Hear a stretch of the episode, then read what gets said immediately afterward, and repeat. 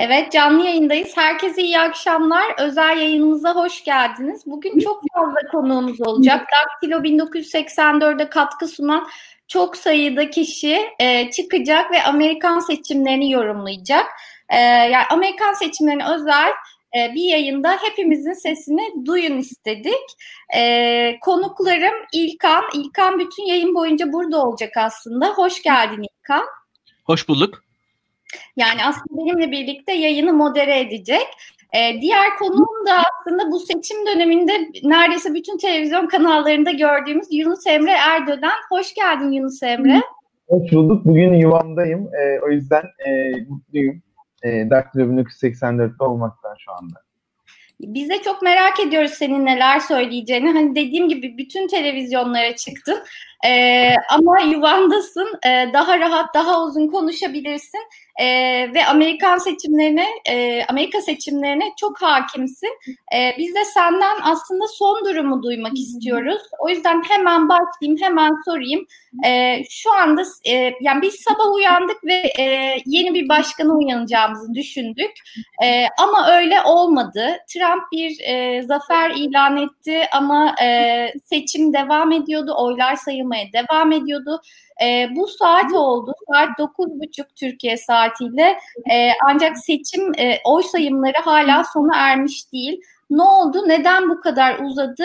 Ve biz kimin başkan olduğunu ne zaman öğreneceğiz?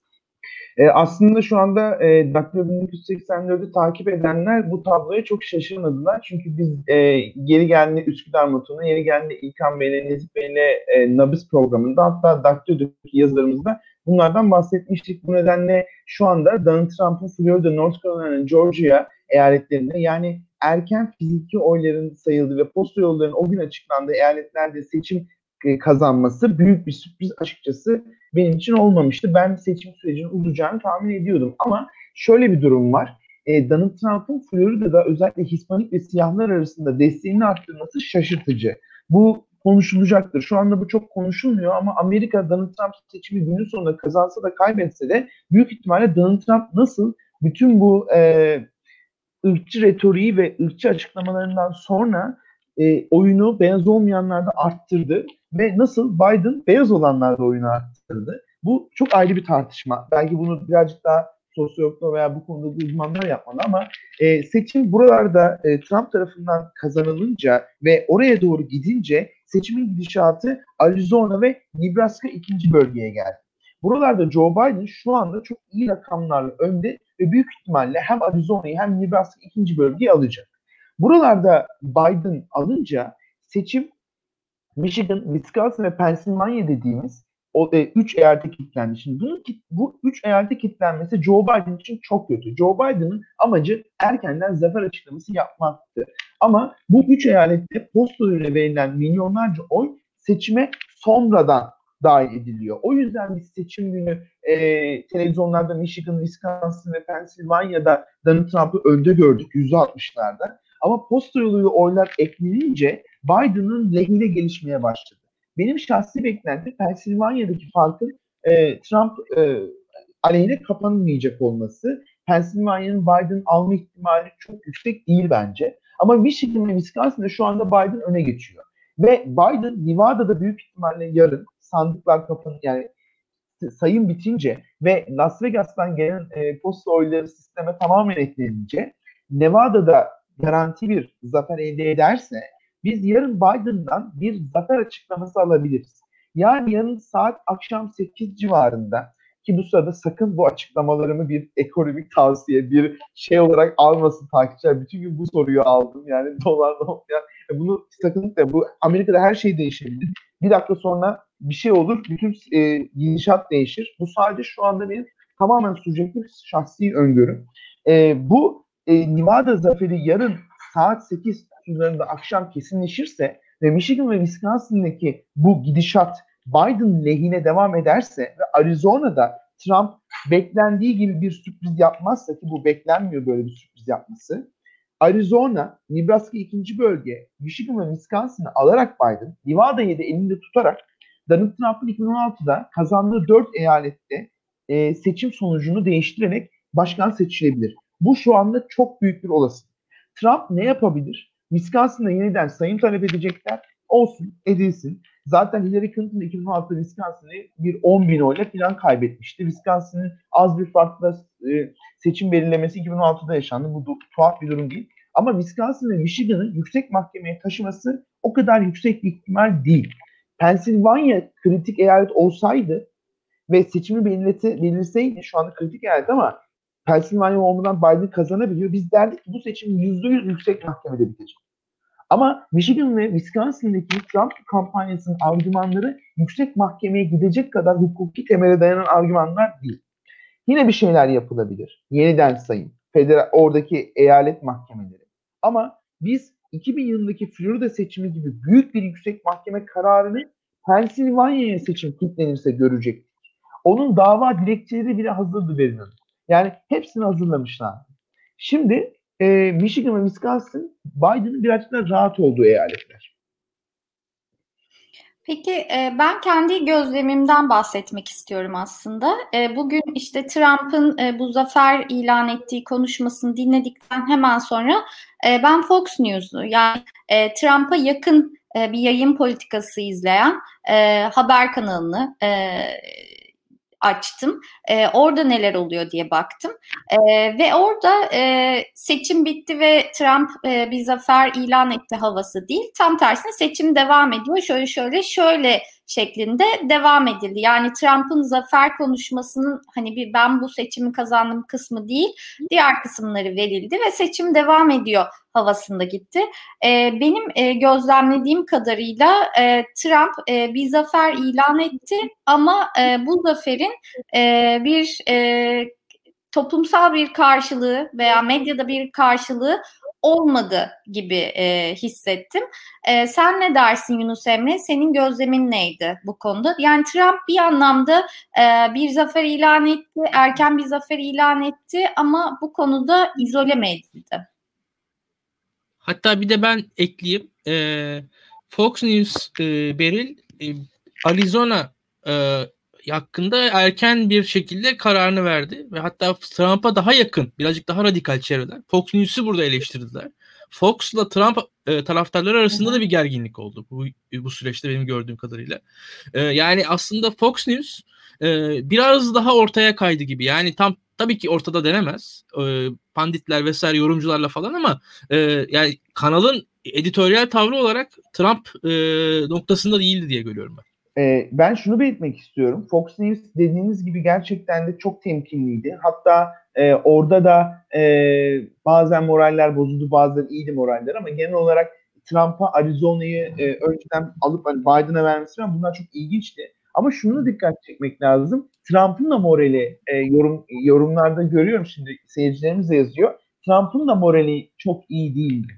Ya şimdi Trump'tan benim beklentim e, şey yapmasıydı. Yani gerçekten çok baskın bir şekilde Trump gibi davranıp kazandım, seçim bitti, her şey bitti. Böyle bir söyleme gidip böyle bir zafer kutlaması yapmasıydı. Ama Trump bunu yapmadı. Çünkü büyük ihtimalle Trump ve kampanyası da eldeki verileri ve gidişatı görüyor. Şu an iki kampanya da temkinli davranmaya çalışıyor. Evet Trump erken bir e, zafer e, açıklaması yaptı. Evet e, tweet attı. Ama bizim beklediğimiz bir Trump kutlaması mıydı? Hayır değildi. Biden'dan da bir erken zafer gelmedi. Hepsi bekliyor şu anda. Çünkü e, Trump kaybederse e, ben e, şey düşünmüyorum yani bu sırada Trump'ın 2024'te gerçekten tekrar aday olacağı konusunda e, çok emin konuşuyorum. Çünkü Trump'ın bütün hikayesi bu yenilgisinin aslında bir yenilgi olmadığı. Yani bugün ben Trump'ın atacağı her tweet'i, Trump'ın söylediği her şeyi aslında ben bu seçimi kaybetmedim. Elimden aldılar ra getirip koltuğu devretse de kaybedilmeyecek bir seçim gibi gö- gösteriyor. Ve şu an Cumhuriyetçi seçmenden çıkış anketlerini daha hani inanılmaz vakıf olamadım ama benim gördüğüm kadarıyla 2016'dan 2020'ye geçen süreçte Cumhuriyetçi seçmen içindeki oy oranını arttırmış gözüküyor. Yani Cumhuriyetçi seçmende çok karşılığı olan bir lidere dönüştü. Yani Trump bugün Florida'yı kaybetmedi. North Carolina'yı, Georgia'yı daha kaybetmedi. Texas'ı kaybetmedi. Yani Trump kendisinin çok üstüne bir performans sergiledi. Yani şunu söylemiş oluyoruz belki. 2016'da belki Trump yanlışlıkla seçilmedi. Ve 2020'de az farkla kaybetti. Yani Trump bir e, gelip geçici bir şey değil. Trump ve Trumpizm devam edecek. E, bunu gördük e, bu seçimlerde ve ben 2024 seçimlerinin şimdiden başladığını düşünüyorum. Ya ben gene alacağım lafı. Üzgünüm. E, Beril özür dilerim. Ya Trump konusundaki Yunus Emre'nin yorumuna yüzde yüz katılıyorum. Bir defa bugün yaşanan her şey yani şöyle söyleyeyim. Bugün yaşanan her şey 2020 seçimi için olduğu kadar 2024 seçimi için yapılıyor. Yani bugün 2024 seçimi başlamış durumdadır. Yani bir defa. Yani artık o iki yılda bir ara seçimleri falan kastetmiyorum. 2024 başlamıştır artık Amerika'da.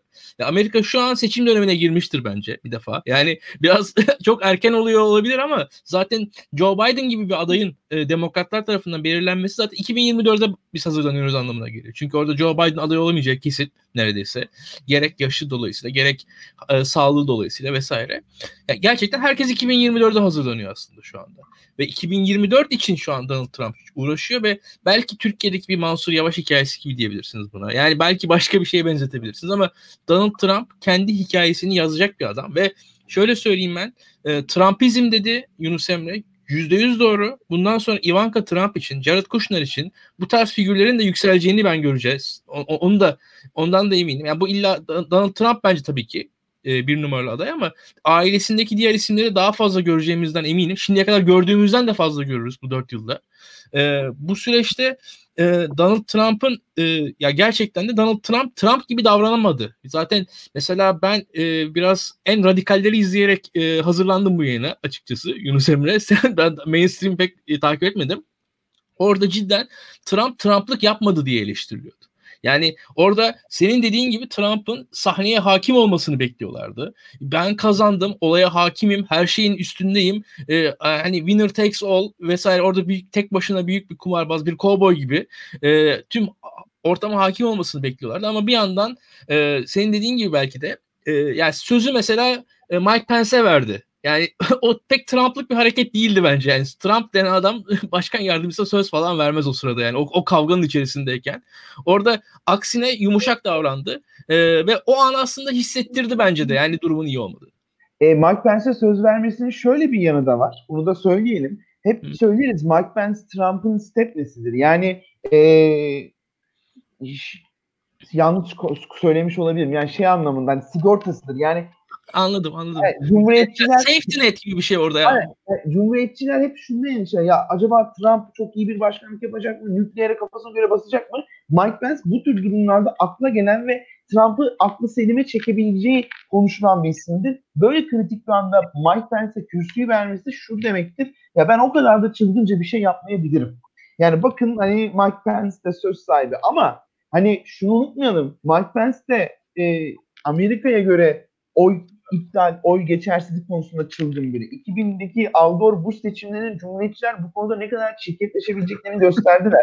Bu nedenle Biden kampanyası Michigan ve Wisconsin için tetikte. Yoksa Biden istemez mi şimdiden zaferlerle, balonlarla kutlama yapmayı? Tabii. Demokratlar istemezler mi havai fişekler atmayı? Ama bunu yapmıyorlar. Çünkü şu anda çok tedirginler. 2016'da yaşadıkları e, o e, paranoya ve Florida'yı kaybetmeleri, e, Texas'ı alacaklardı, alamadılar. E, Georgia, North Carolina hala e, Trump'ta, hala alacaklarına inanan bir takım demokratlar var ama ben onun çok e, iyimser bir tablo olduğunu düşünüyorum. Gerçekçi değil. Yani demokratlar şu anda e, bırakın kutlamayı, bırakın erken zaferi biz bir alalım kafasında oldukları için şu anda bekliyorlar ve temkinliler. Yoksa yani şu anda mesela Twitter'daki bütün demokrat gazeteciler, analistler aman durun, aman durun diyor.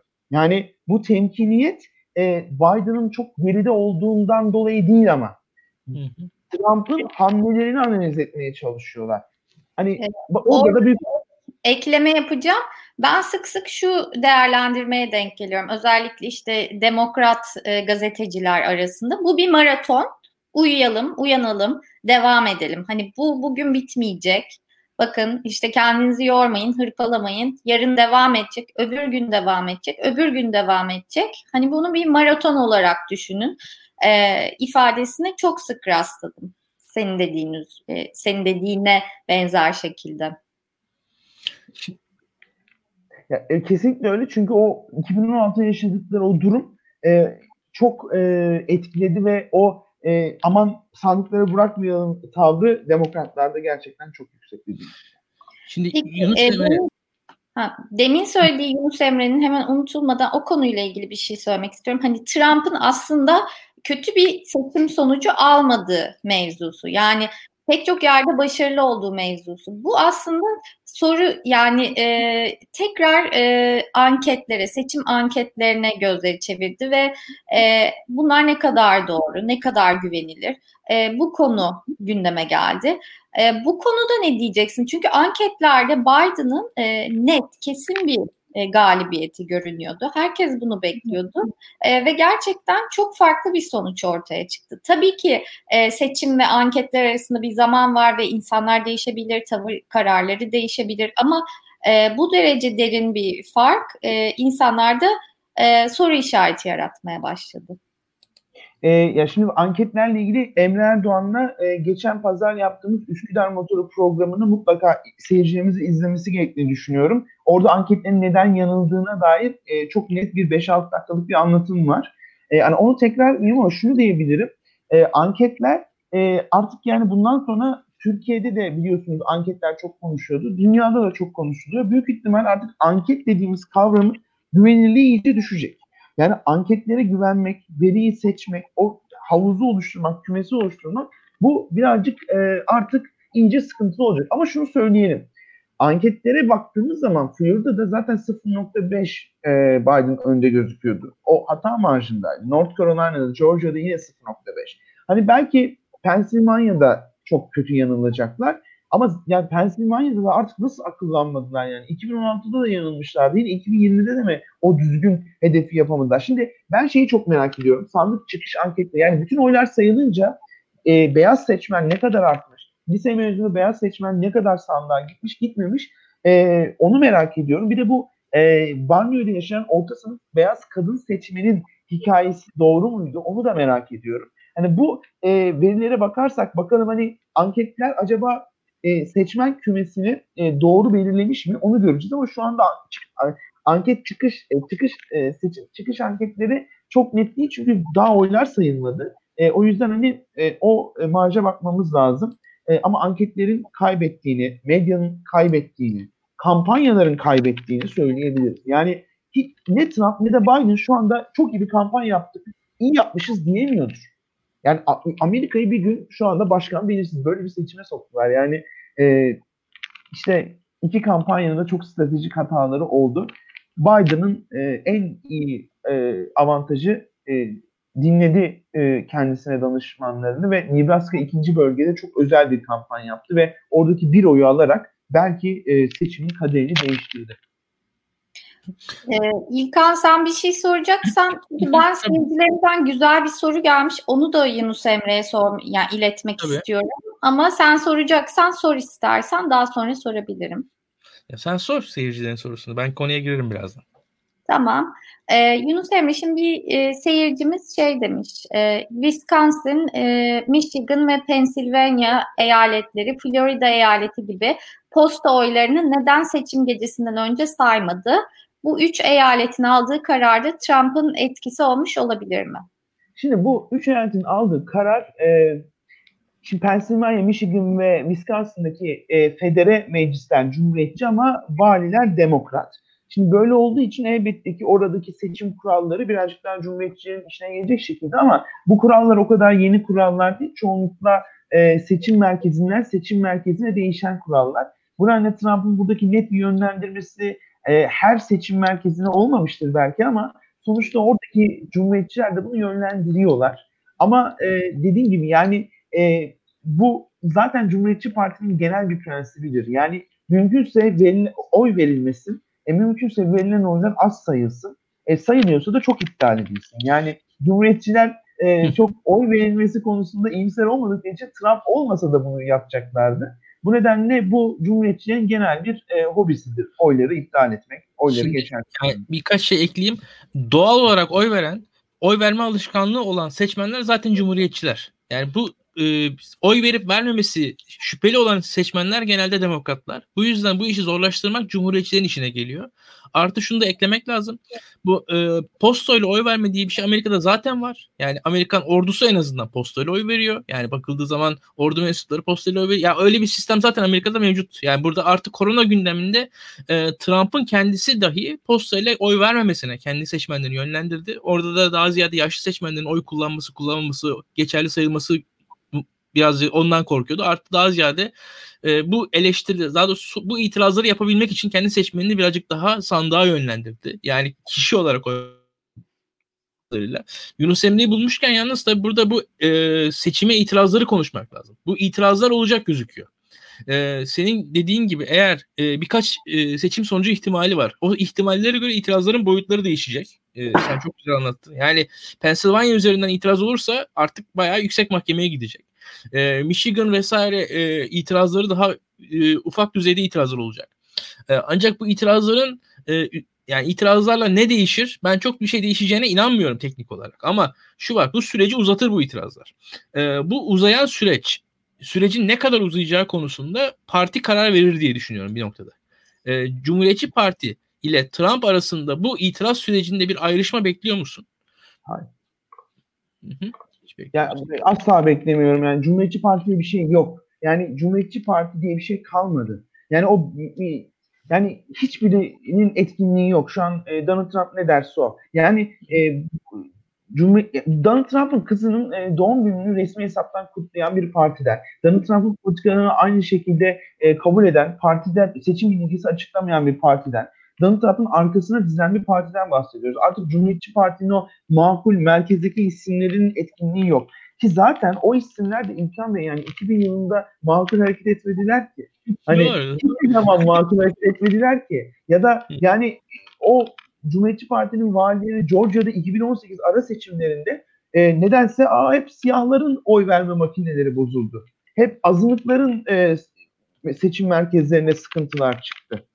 Hani Hı. o kadar makul hareket etmiyorlardı zaten. Bir makuliyet tiyatrosu vardı. E Donald Trump o tiyatronun perdesini indirdi. E, gerçekten o e, Cumhuriyetçi Parti'nin yüzünü gösterdi bence. Tamam çok güzel. Peki e, hazır seni bulmuşken sırf başkanlık seçimleri olmadı bu e, bu salı günü biliyorsun.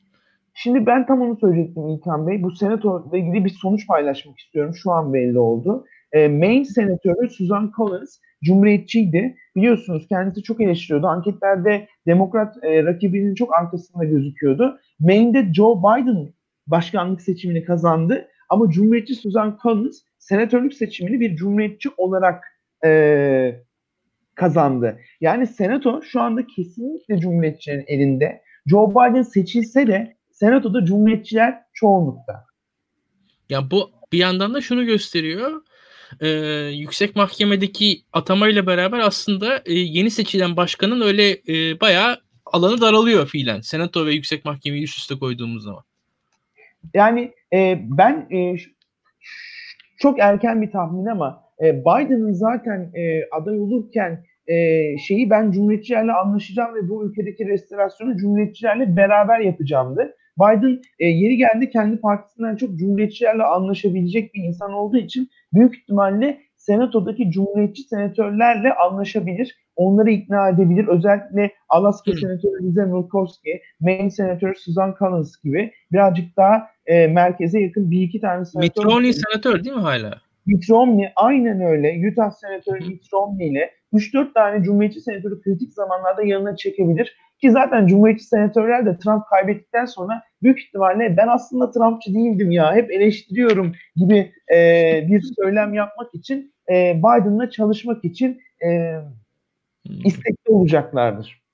Anladım. O yüzden yani evet topal ördek evet çok zor ama birazcık e, Amerika, Cumhuriyetçi Partisi'ndeki o işte Ben Sase filan gibi isimler e, Biden ile e, belli konularda işbirliği yapmak ve ben Trump değilim ve 2024'te merkez kanadın lideriyim diye bir söylem kurmaya e, için o senatoyu işletecektir. Yani sistem kitlenmeyecek. Ya Yunus Emre şimdi Cumhuriyetçi Parti için tahminlerde bulunuyoruz da Cumhuriyetçi Parti mesela eskiden de e, Cumhuriyetçi Parti'de mesela aklı başında insanlar çok aklı başında sözler söylüyorlardı. Mesela azınlıklara açılmalıyız, kadınlara açılmalıyız falan deniyordu. Çok doğru bir yorumdu ama bir bakıyorduk ondan sonra Trump aday oldu partide. Yani hani tam ne yap Meksikalıları kovuyoruz diye e, kampanya yaptılar. Azınlıklara açılmalıyız diye bir açılım gerçekleştikten sonra Meksikalıları kovuyoruz diye kampanya yaptı. Duvar örüyoruz diye kampanya yaptılar. Yani şimdi o açıdan e, tamamen doğrular belli kafada. Aynen onlar çok böyle rocket science değil yani baktığın zaman ama e, bir yandan da şey var. Şu anda da mesela e, gerçekten de ilk görünen azınlıklarda Trump birazcık daha gözük tahmin edilenden başarılı ama kendi daha e, makul seçmenlerinde hani daha iyi eğitimli belki belki e, uzaktan gözüken ilk şeyler dediğin gibi tam belli değil ama ilk çıkışlarda yavaş yavaş beyazlarda aldığı oy tartışılır hale geldi. Şimdi burada da başka bir şey var ama özellikle kadınlar deniyor. Bilmiyoruz zaten haklısın. E, erken bunlara. Biz de e, o dün gece yorum yapanlara benziyorum şu anda. Haklısın o açıdan. E, yok yok asla benzemiyorsun. Ya ama yani onu hissediyorum şu anda. Bu şeylere girdiğin zaman alt alt kırılımlara girdiğin zaman özellikle hani çünkü yani mesela Florida'da falan hissediyorduk biz. Hispanikler meselesini mesela hissediyorduk. O, o, o geliyordu yani. Çünkü e, özellikle mesela vatandaş olan Hispanikler, vatandaş olamayan Hispaniklerle bir kardeşlik duygusuyla birlikte o kadar bizim zannettiğimiz kadar olmadıklarını görüyorduk. Yani o bir sosyal hareket ne yazık ki orada gözüküyordu. Yani o bir yan yanalık duygusu en azından hep beraber e, hani insanlar Hispanik olabilirler ama oy verme karakterlerinin Hispaniklikleri belirlemez. Aile olmaları belirler, inançları belirler, eğitim seviyeleri belirler, belki gelir seviyeleri belirler. Yani insanların çok farklı kimlikleri var. Yani o açıdan hmm. e, bakalım yani hani o hangisini oya dönüştürecek? Hangi kimliğinden hani insanın 10 tane kimliği vardır. Onun bir tanesinden tutar bir parti oya dönüştürür. Hangisini Cumhuriyetçi Parti başarmaya çalışacak bundan sonra bilmiyoruz tabii. Neyse ben çok konuştum. Ee, bu temsilciler meclisinde durum ne şu anda? Bir de o. Şimdi ben e, Türkiye'de ilk kez bir şey açıklayacağım şu anda. E, onu yeni şey gibi dün dün benim bir tane yayınıma isim vermeyin Barış yazmış burada. Bağlanıp işte borsa çökecek bir şeyler olacak. Bu çocuk sağdan soldan bir şeyleri bakan diye. Neyse şimdi o adam evet o çok iyiydi. Ee, ben de diyorum şimdi meteor gelecek falan diye ya şimdi şöyle bir durum var. Senato dedi. Şimdi Georgia'da iki tane senatörlük seçimi yapıldı. Bir tanesi yani e, normal senatörlük seçimiydi. Bir tanesi evet. özel senatörlük seçimi. Bu özel senatörlük seçiminde e, en çok oyu alan iki aday e, özel e, ikinci tura kaldılar. Yani yüzde elli olması gerekiyor değil mi? Evet ve e, şimdi o senatörlük seçiminde şöyle oldu. Georgia özel senatörlük seçiminde Demokrat Raphael Warnock yüzde otuz iki, Kelly Loeffler yani görevdeki Cumhuriyetçi senatör yüzde yirmi altı oy aldı. Şimdi ikisi büyük ihtimalle Ocak ayında ikinci tura gidecek. Yani biz bir iki ay sonra Georgia'da yeniden bir senatörlük seçimini izleyeceğiz. Hmm. evet şu an bütün Türkiye'nin doğru doğru ya o, o seçimler de enteresan bakalım ee, ya bir yandan da bu seçimlerin e, sağlamasını yapacağız ne kadar kat- bir de e, Yunus Emre şunu söyle, sorayım sana katılım hakkında ne düşünüyorsun? Ya katılım arttı ee, e, katılım arttı ama şöyle bir durum var yani e, biz Türkiye'den hep diyorduk yani aslında hani 2016'dan önce hep şu geyik vardı. Katılım artınca demokratlar çok iyi olur ya. Yani öyle olmadı. Şimdi e, şunları da konuşacağız. Genç seçmenin katılımı arttı ama beyaz genç seçmende Donald Trump'ın oyunun çok yükseldiğini söyleyenler var. Büyük hmm. ihtimalle ortamlarda bazı beyaz gençler işte ben sandığa gidiyorum I voted yes işte mavi dal dedi Trump'a gidip oy bastılar. Yani e, şu an Amerika'da okuyan arkadaşlarımın bana dediği ortak bir şey yani bizim Trump'a oy veren arkadaşlarımız var. Öğreniyoruz, şok oluyoruz. Yani yeni yeni ortaya çıkıyor. Yani genç seçmen eşittir demokratlar algısı kırılıyor sanırım. Tabii ki bunu şu anda ben hani e, bir zaman ayıramadım kendime çıkış anketlerine bakmak için. E, daha o anketler net değildir belki çok fazla henüz. Doğru. Ama e, genç beyaz seçmendeki yani ya zaten tüm oylar sayıldıktan sonra daha net olabilir diye düşünüyorum. Sonuçta o demografiyi görmek lazım. Ki onun bir ölçü şeyini alalım, pastasını alalım. Yani, işte hep o e, e, bütün dünyadaki seçimleri değerlendirirken işte kırsal e, muhafazakarlara, kent liberallere, gençler e, liberallere, işte, hani bu tarz seçim algısını da yıktı bu seçimler. Yani hiç kimse Küba'daki Hispaniklerin Florida'da, Küba göçmeni Hispaniklerin Florida'da Hispaniklere karşı çok sert bir söylemi olan bir başkana oy vereceğini düşünmezdi değil mi? Siyah genç erkeklerin gidip Trump'a oy vereceğini düşünmezdi. Ya da gençlerin, beyaz gençlerin gidip Trump'ta oyunu arttıracağını düşünmezdi. Yani bu tür şeyler e, kritik ya da mesela Biden beyaz erkeklerde oyunu arttırıyor. Yani Amerika'daki bu 2020 seçimleri netleşince ki şu anda biz başkanı belirleniyoruz. Daha iyice detaya girip daha başkan belli değil ama yani bu dinamikler üzerine biz 200 sene konuşuruz. Hani ya tabii bu ezberlerimiz var bizim. haklısın yani. Orada o ezberleri baştan aşağı yazmamız gerekiyor diye tahmin ediyorum ben. Yani kolay kolay daha önceden söylediğim yani 10 yıldır 15 yıldır söylenen şeyler acaba hakikaten öyle mi? Yani bir de şöyle bir durum var. Ee, senin dediğine katılıyorum ama bir e, antiparantez bir şey ekleyeyim. Mesela seçmen sayısı yüzde elli iken yani yüzde elli katılım varken katılan gençler zaten az. Ama o katılan gençler belki Trump'a daha uzaklar. Ama katılım yüzde yetmiş olunca gençlerde katılım artınca aslında zannedildiği gibi o e, politize gençler gibi değil de politize olmayan gençler katılmaya başladığı zaman politize olmayanlar politize olduğu zaman aslında başka bir şey oluyor ortaya. Başka bir e, tablo çıkıyor demek ki ortaya.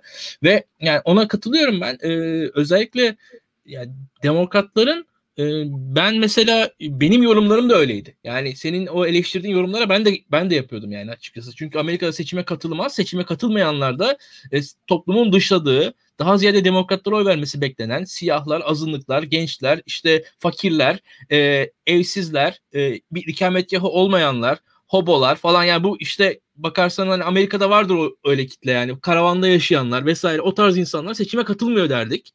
E, ama tam da öyle değilmiş aslında. Yani bu bu e, sonuçlar gö- gösteriyor ki hakikaten e, bu benim gibi dediğim gibi olsa aslında yani Demokrat Parti'nin çok daha büyük bir e, hani o landslide zaferi olması gerekir aslında. Öyle bir şey olmadı. Yani tam dediğin gibi bir şey. Peki ben de bir ekleme yapayım bu göçmenlerle ilgili. Hani e, göçmenlerle çalıştığım için e, kendim de sonuçta yurt dışında yaşadığımda göçmen olduğum için e, yaşadığım dönemde e, göçmenlikte şöyle bir şey var. Başka göçmenlerle özellikle iletişimimde fark ettiğim şey göçmenler göçtükleri ülkelere başka göçmenlerin gelmesini de istemiyorlar. Yani göçmenler diğer göçmenleri sever ve kollar diye bir e, şey oluşuyor insanın kafasında. Hani bu bekleniyor. Hani kendisi de göçmen öyle diye.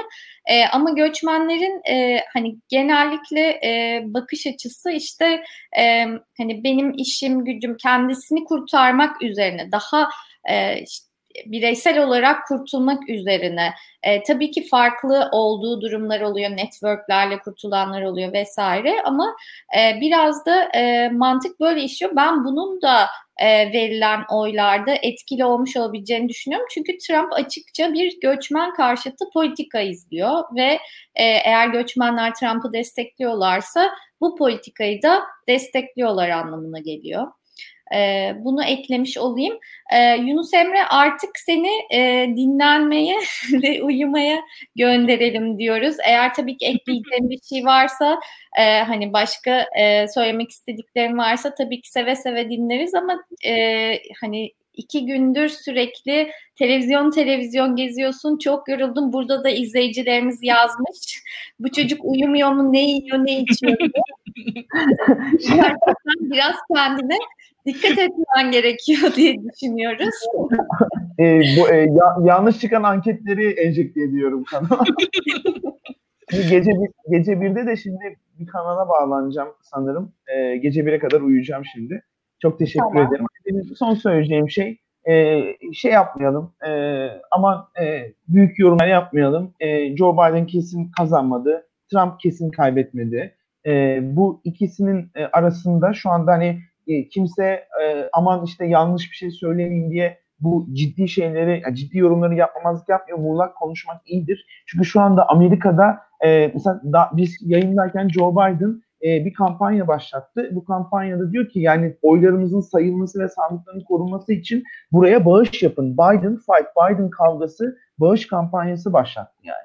Hani e, Joe Biden e, zafer açıklamıyor. E, za, e, aldım oyları e, böyle devam ettirmek ve Donald Trump ve Cumhuriyetçilerin bu çabalarını engellemek için para verin bana diyor. Yani şu anda seçim e, uzayabilir ama bu uzama senaryosunu da lütfen bir iki hafta, iki, işte üç, üç hafta, bir ay gibi çok hani komplo teorilerine çevirmeyelim. Bugün sözde Amerika'da iç savaş da çıkıyordu hatırlıyorsanız. Yani e, hani daha makul geçecekmiş gibi gözüküyor.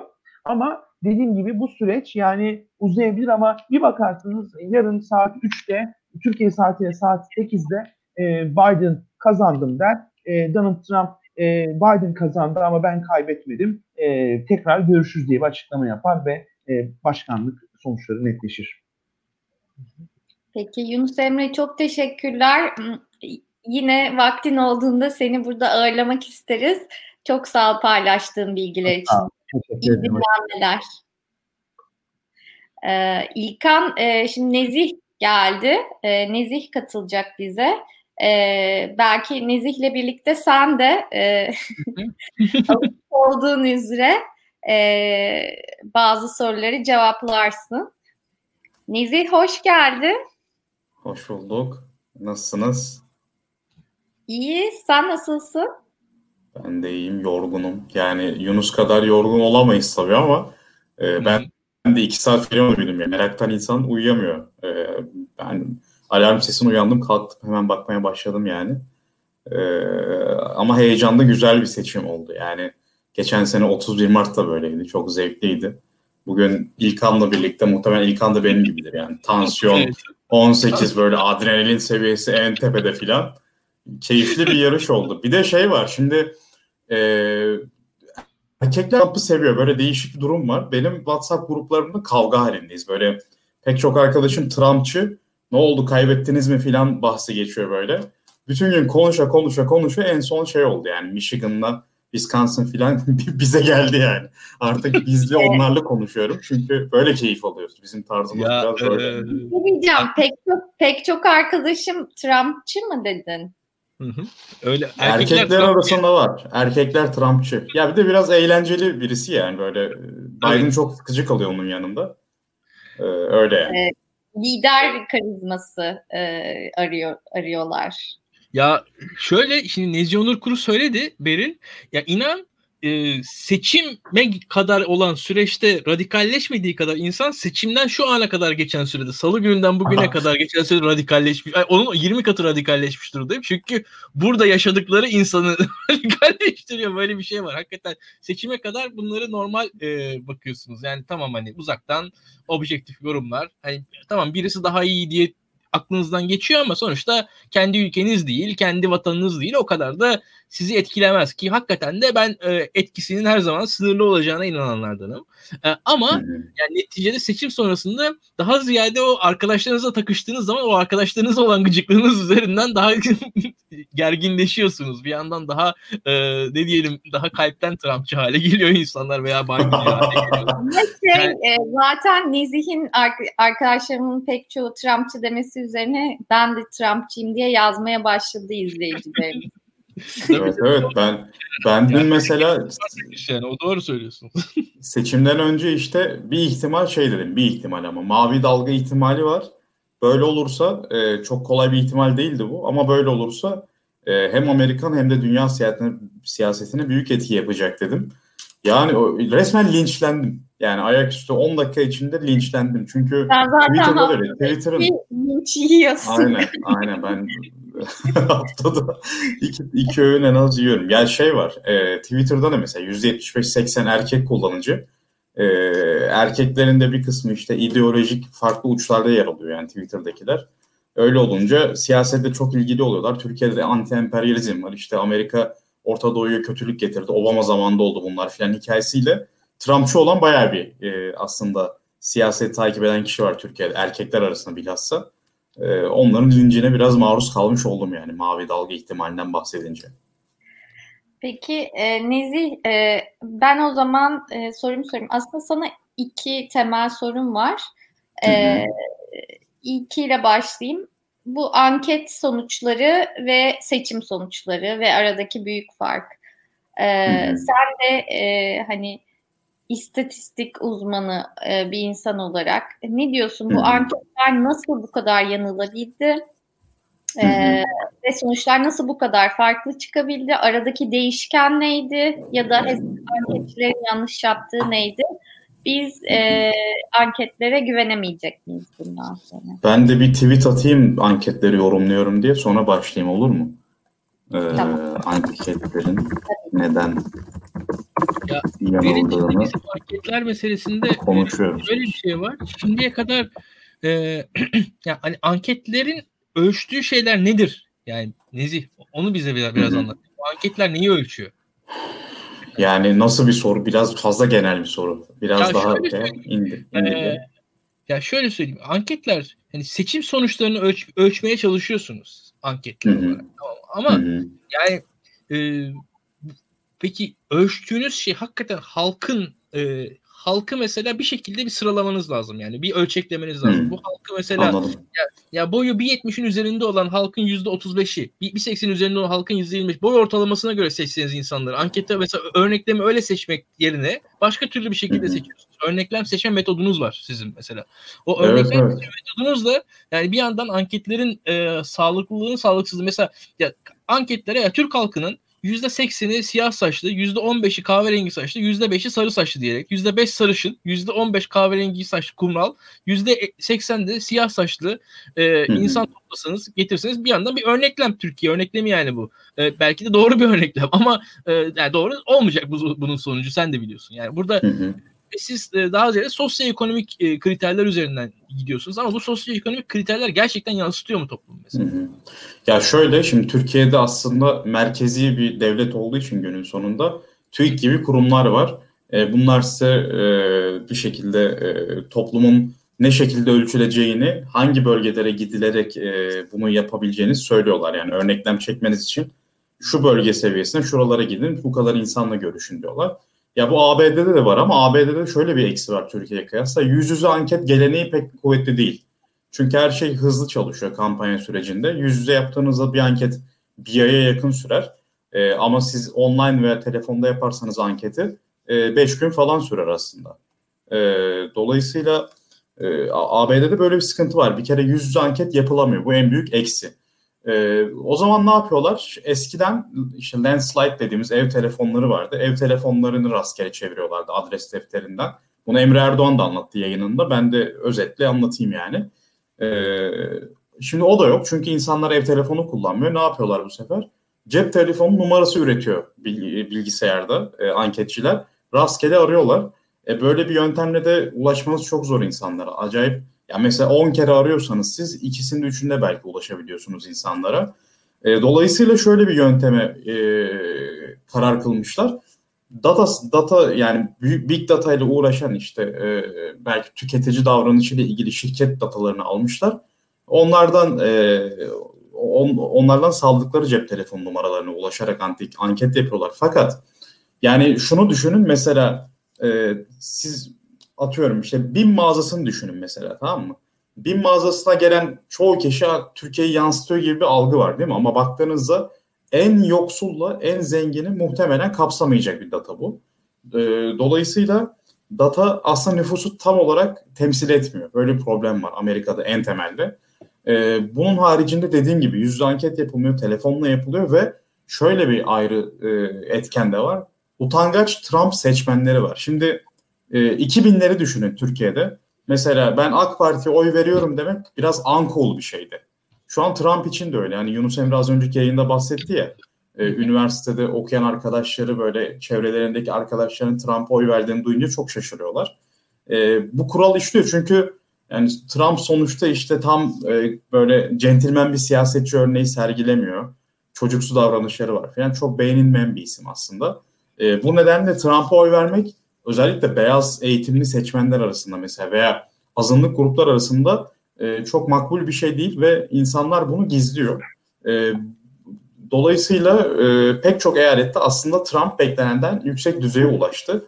E, Trump'ın bir de şu var, iki seçim arasında kıyaslarsak özellikle bu Rust Belt e, eyaletlerinde yani e, mavi yakalı beyaz seçmenin yaşadığı e, Wisconsin, Ohio, Michigan, Pennsylvania gibi eyaletlerde Trump aslında biraz daha başarılı çıktı değil mi? Yani çünkü biz hı hı. Wisconsin'de mesela 7-8 puan fark bekliyorduk. Tabii. Ama ne oldu? Zorla kazandı. Yani 20 27 bin oyla mı? Öyle bir farkla kazandı. Yani yüzde bir bile değil galiba yaklaşık yani o şu civarda. an 21 bin oy fark gözüküyor mesela New York Aynen. bakıyor. Şimdi bu Clinton'da da böyleydi. Yani Clinton'da da biz 6-7 puan fark bekliyorduk. Kaybetti. O da bir puanla falan kaybetti. E, dolayısıyla orada beyaz seçmenin ağırlıklı olduğu, mavi yakalı beyaz seçmenin ağırlıklı olduğu bölgelerde bence anketler sistematik bir yanılgıya düşüyor. En çok sapmalar orada diye ben gözlemledim. Diğer bir yanılgı da Florida'da. E, mesela Florida'da e, şeyi herhalde saptayamadılar. Yani Hispanik seçmende kayıp yaşadılar. Yani Kübalı seçmen e, fenomeni siz Yunus'la konuştunuz mu? Ben kaçırmış olabilirim. E, Kübalı seçmenin mesela önemli bir kısmı Trump'ı destekledi işte bu sosyalizm evet. korkusuyla birlikte filan. Ve Latin seçmenin de bir kısmı bunu yaptı. Yani Venezuelalılar veya Meksika'dan gelenlerin bir kısmı da bunu yaptı. Belki böyle e, trendleri yakalayamıyor yani ama baktığınızda mesela Arizona'da e, işte New Mexico'da falan o, o taraftaki Hispaniklerin ve azınlıkların trendini yakalayabilmiş anketler. Mesela o bölgelerde daha başarılı ama dediğim gibi böyle oy tercihini saklayabilecek olan ve Trump'ın görece başarılı olduğu yerlerde Trump kimlerde başarılı oluyor? İşte daha e, yani mavi yakalı beyazlarda ve Hispaniklerde ve beyazların bir kısmı e, pardon siyahların çok az bir kısmında başarılı olmuş mesela biz çıkış anketlerinde onu görüyoruz yani bir önceki seçime göre daha iyi ama esas mesele bu Hispanik davranışını e, yakalayamama bence. Anketler bir de şöyle bir şey var mesela telefonda anket yapıyorsunuz 10 dakika sürüyor. E, çok derinine inemiyorsunuz. Siz birkaç soruyla belki o gizlediği tercih yakalayabileceksiniz ama bunun için belki yarım saat gerekiyor. E, yarım saatte telefonda anket yapamıyorsunuz. Dolayısıyla e, saklanan trendi bulamıyorsunuz. Biz Türkiye'de bunu biraz daha yapabiliyor kaliteli anket şirketleri. Çünkü Türkiye'de yüz yüze anket yapma geleneği hala güçlü. O konuda Türkiye daha iyi yani. Ee, peki ben e, asıl sormak istediğim ikinci soruyu sorayım. Ee, bunu muhtemelen birkaç konuğumuza daha soracağım.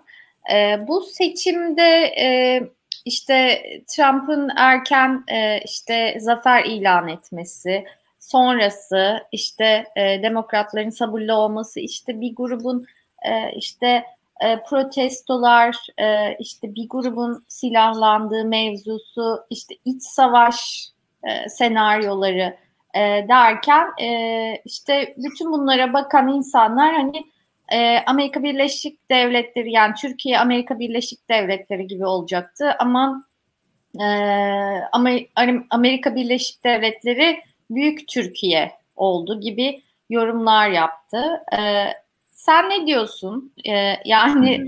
bu seçimde yaşananlar, işte Türkiye'de seçimlerde yaşananlar, e, işte hep beraber gördüğümüz, yaşadıklarımız e, benziyor mu? Gerçekten Amerika aslında büyük bir Türkiye gibi mi yoksa farklı mı? Farklı olan ne? E, ve e, bir anlamda bu e, yaşanan durum e, dünyada seçimlerin geleceğini nasıl etkileyecek sence? Yani bunu aslında sadece sana değil, İlkan'a da soruyorum, ikinize de soruyorum. Ee, şöyle bir benzetme yapayım. Aslında Türkiye bu popülizm meselesinde öncü bir ülke. Çünkü e, Tayyip Erdoğan'ı biz 90'larda tanıdık ve Tayyip Erdoğan popülist sınıfına gayet uyuyor. Yani sistemin dışında kalan bir partiden geliyor. Direkt kurumları karşısına alıyor ve e, kendi kişiliğini seçmenle aynı hikayedeymişçesine özde, öz, özdeşleştirebiliyor seçmenin gözünde. E, biz bunu dünyaya ihraç ettik aslında. E, Trump da bu noktada e, Tayyip Erdoğan kadar olmasa da hani bu halkla özdeşleşme konusunda bir şekilde diğer e, Amerikalı siyasetçilere kıyasla e, establishment'tan uzak, işte sistemin dışından olan ve klasik siyasetçi olmayan, e, kuralları, tabuları yıkan, halkı için her şeyi yapan e, mesela Amerika'yı işte dış politikada artık eskisi kadar öne çıkarmayan bunun yerine Amerikan ekonomisini e, güçlendirmeye çalışan ve buna engel olabilecek herhangi bir kurumsal e, engeli e, aşan bir lider profili çizdi. E, dolayısıyla seçmenle arasında çok net bir duygusal ilişki kurdu.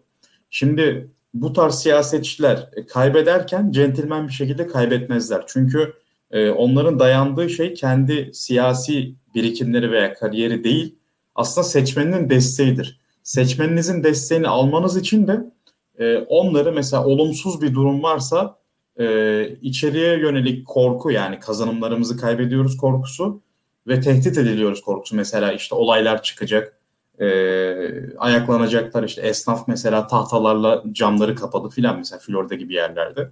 e, bir korku salıyor. Diğer yandan da öfke salıyor. İşte kimi öfke? Biden destekçilerine öfke, medyaya öfke, Twitter'a öfke, işte dış mihraklara öfke kim varsa artık bu negatif duygularla onları mobilize edip elinde tutmaya çalışıyor. Yani e, Trump tabii ki kurumsal olarak e, kapasitesini zor kapasitesini zorlayacak. Nasıl ki Türkiye'de de yapıldı bu işte geçen geçtiğimiz yıllarda seçim tekrarı yaşandı.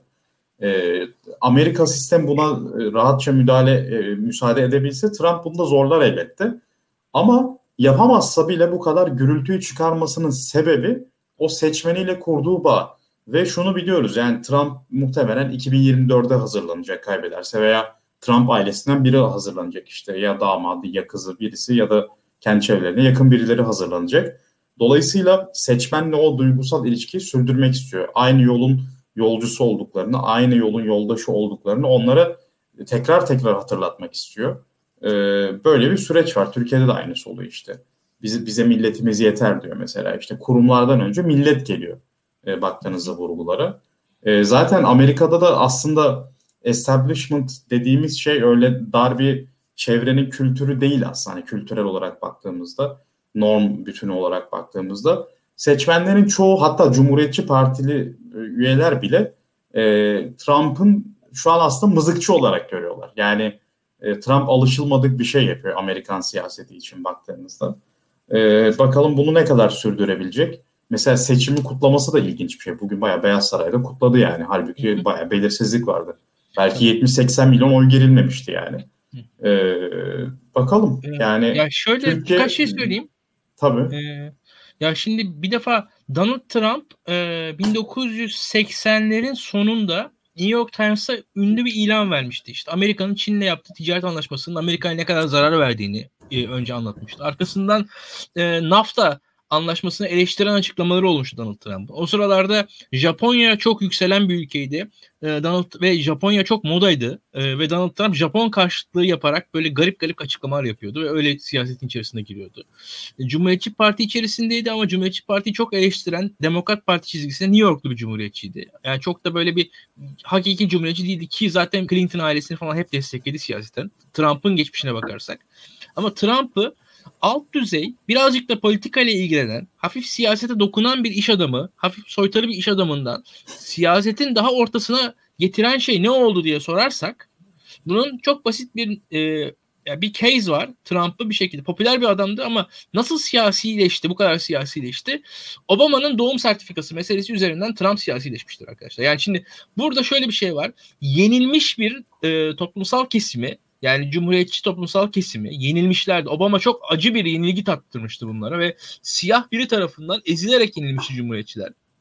Bu psikolojik olarak yani e, tamam yani ırkçılık falan deniyor. E, doğru ırkçı tarafı da var bunun ruhen e, ama burada bir yenilmişler ve siyah birine yenilmişler ve yenilgi üzerine konuşamıyorlar. Şöyle bir ve evet. yani, o, o, o hiç kimse konuşamıyordu. Ee, siyaha karşı da hani Obama'ya karşı da eleştiri getirirken de e, zayıf kalıyorlardı. Cumhuriyetçi önde gelen figürler. Obama karşısında ezik duruyorlardı. Yani Obama'ya karşı sert bir şey söyledikleri zaman ırkçı denir diye korkuyorlardı. Hani bir şekilde Hı-hı. onun karşısında Trump'sa Obama'nın Cumhurbaşkanı Obama'nın başkanlığı sırasında pervasız e, hatta ahlaksız hatta alakasız bir eleştirilerle yani doğum sertifikası üzerinden Obama'nın doğum sertifikası değil. Obama vatandaş değil. Obama başkanlığı yalan. Hani Obama'nın Obama başkan Obama'nın başkanlığının hakiki olmadığını, e, bir yalan evet. olduğunu, bir fake olduğunu anlatan bir şekilde yani orada aslında yeni cumhuriyetçi kitleye bir hayal satıyordu. Yani kafalarındaki hakiki Amerika hayali Trump'ın anlattığı absürt şeydi. Yani Obama'nın başkan olmadığı, Obama'nın başkanlığının bir hukuksuzluk olduğu. Ya şu anda hani gülüyoruz ama ya Obama'nın karısının erkek olduğunu falan inanan insanlar vardı o sırada. Yani Amerika'da ya, gerçek bu. Ya, ya her şeyin yalan şey olduğunu yani. yani Müslüman hikayesi falan var. Bunlar tabii, da var tabii, yani. Ya absürt, aynen öyle. Hani, bakın bu ya bu bir zihin yapısıdır. Öyle söyleyeyim ben. Ee, şimdi bu zihin yapısını görmek gerekiyor. Şimdi Trump bu zihin yapısındaki o yenik kitleyi bir şekilde mobilize etti. Herkes orada dalga geçiyordu. Ya oradaki o mobilizasyon ya o birth certificate yani doğum sertifikası meselesini bu politize olur mu ya adam başkan seçilmiş yani bunun neresi doğum sertifikası üzerine göster göstermez göster ya bu bu 5 yıl konuşuldu herkes güldü. O yani toplum gül, gülüyordu ama insanlar güldüğü sırada aslında cumhuriyetçi seçmen kitlesinin üzerinde bir derin meşruiyet kazandı. Yani e, herkes e, 4 yıl sonraki, 8 yıl sonraki kampanyaya hazırlanmaya için kenarda beklerken Trump kendi kampanyasını zaten yapıyordu ön seçim kampanyasını. Cumhuriyetçi Parti içerisinde kampanyasını yapıyordu o sırada. O yani doğum sertifikası meselesi üzerinden. O bence yani e, Türkiye'de Trump analizleri pek derin yapılmıyor. Hani Amerika üzerinden biraz söylüyorum bunu. E, bu, bunu görmek lazım. Yani o ruh halini anlamak gerekiyor. Yani şunu söyleyeyim. Trump yensin ya da yenilsin. E, başkan olsun ya da başkan olmasın.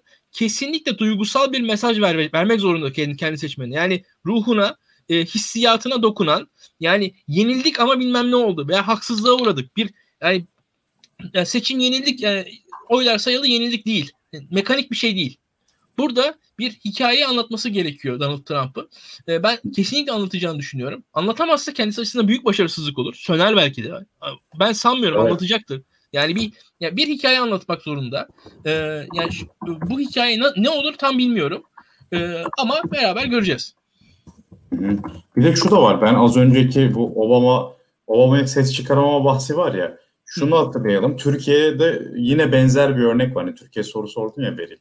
Ee, mesela çözüm sürecini düşünün Türkiye'de. Aslında Türkiye gayet etnik milliyetçiliğin kuvvetli bir olduğu bir ülke ve PKK herkes tarafından yani e, toplum %80'i tarafından doğrudan tehdit olarak algılanıyor. Ama çözüm süreci Tayyip Erdoğan hatrına bir şekilde seçmenin ses çıkarmadığı bir süreçti değil mi? Ama e, Tayyip Erdoğan MHP ile birlikte yürümeye başladığında ve e, HDP'lileri hapise attığında e, insanlar sanki rahatladı böyle kendilerini buldular. Yani çocuk zaten Tayyip Erdoğan da işte biz hata etmiştik yani aldatıldık, kandırıldık meselelerine geliyor ya. O da bir günah çıkarınca e, Anadolu seçmeni yani Taşra'daki seçmeni düşün. Milliyetçi muhafazakar seçmen. Yani Kürtçe konuşmaya bile aslında çok toleranslı olmayan bir seçmen çözüm sürecine katlanıyordu aslında tırnak içinde. Katlanmayı bıraktı. Rahatladılar insanlar. Gevşediler yani. Ve Tayyip Erdoğan da daha çok kendilerini buldular. Yani şu an mesela Tayyip Erdoğan daha böyle e, çözüm sürecine devam ettiren işte İslami demokrat bir kimlikle şu anki ekonomik kriz ekonomik krizi yaşıyor olsaydı mesela e, bence daha çok oy kaybederdi. Ama şu an milliyetçi muhafazakar duygulara çok daha rahat sesleniyor. Adeta seçmen gibi yani seçmenden bir fark yok şu an. Tutumları olsun yani ne hukuk tanıyor çünkü seçmen de hukuk tanımıyor. Herkese terörist diyebilir yani baktığınızda.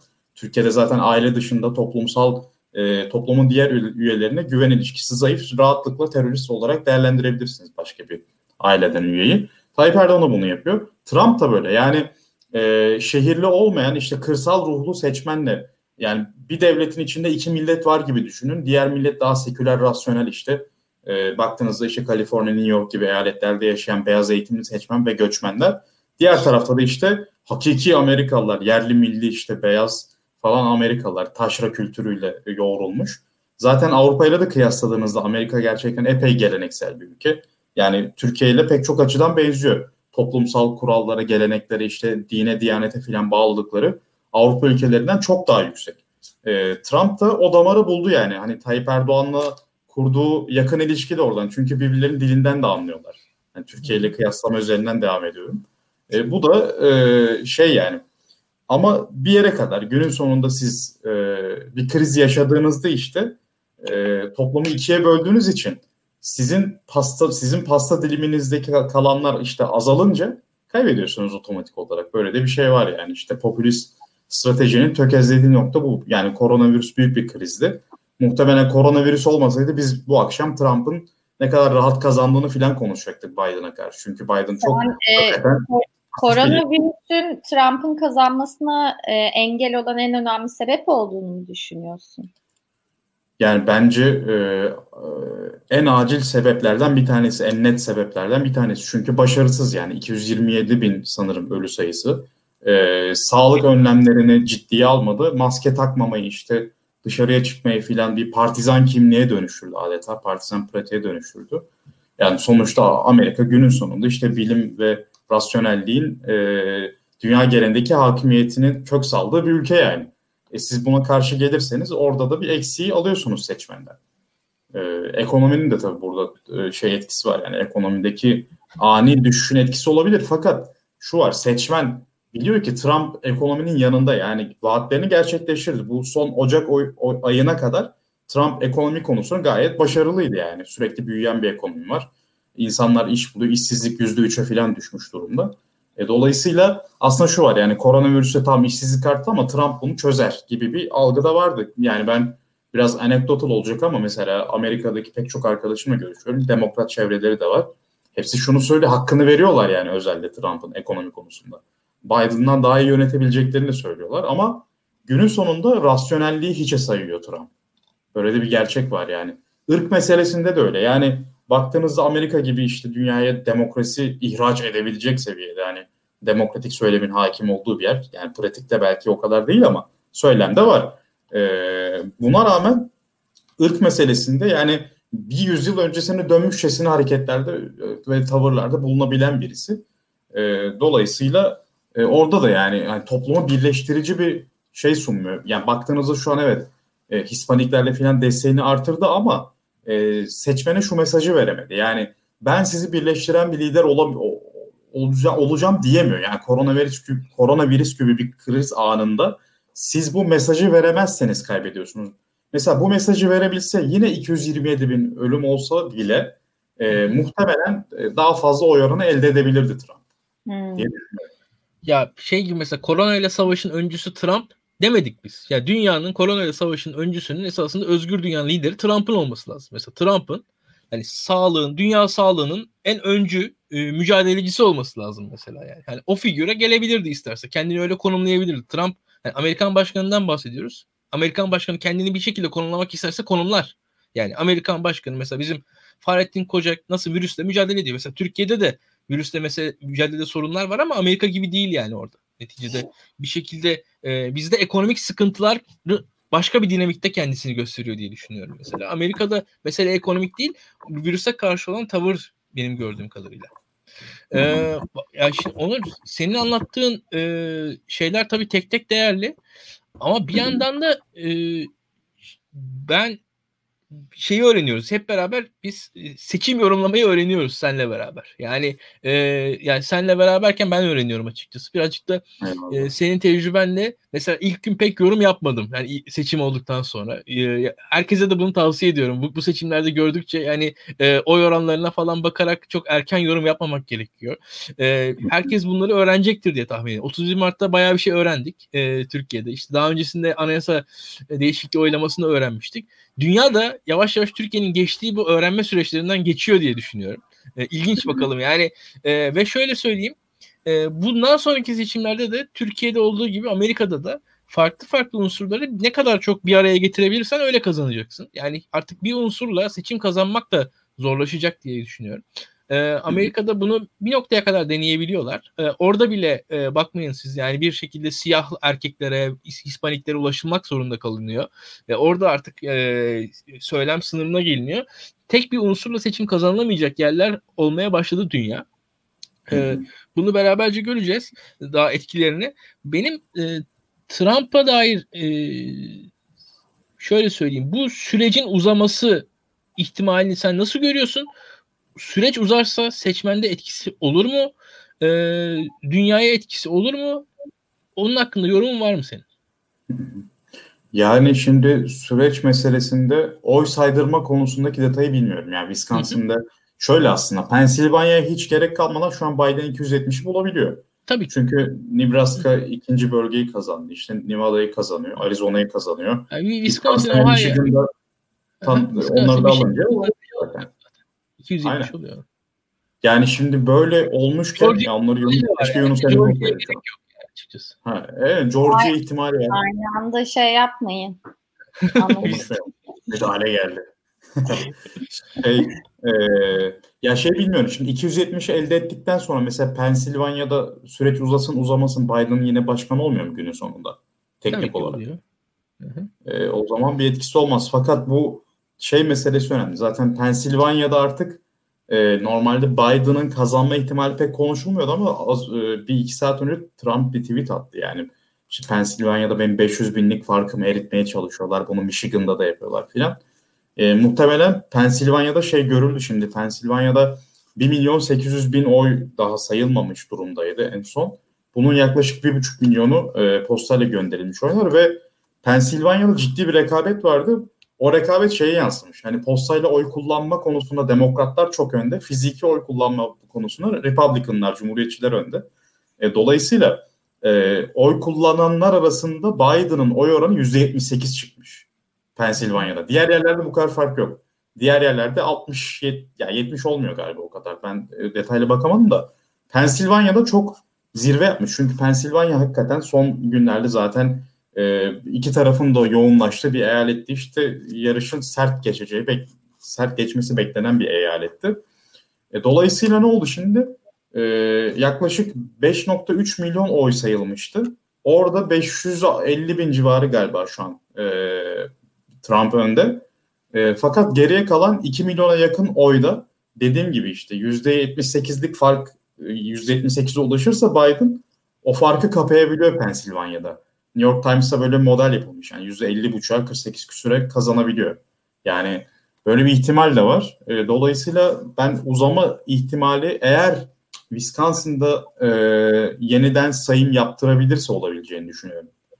Yani ben günün sonunda Georgia'da bile Biden'ın kazanabileceğini açıkçası düşünüyorum.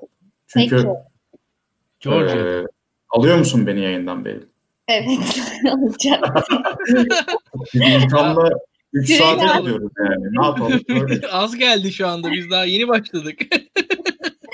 Siz yeni ısınmaya başladınız ama bugün böyle şey e, çok si- sirkülasyon e, çok bir program olacağı için ama tabii ki e, sözlerini bitir öyle şey çat diye almıyorum yayında. Tamam. Ee, Valla nasıl nasıl bitireyim? Yani açıkçası ben şey merak ediyorum. Wisconsin'de e, oy sayımı yaptırabilir mi? Nasıl olur bilmiyorum.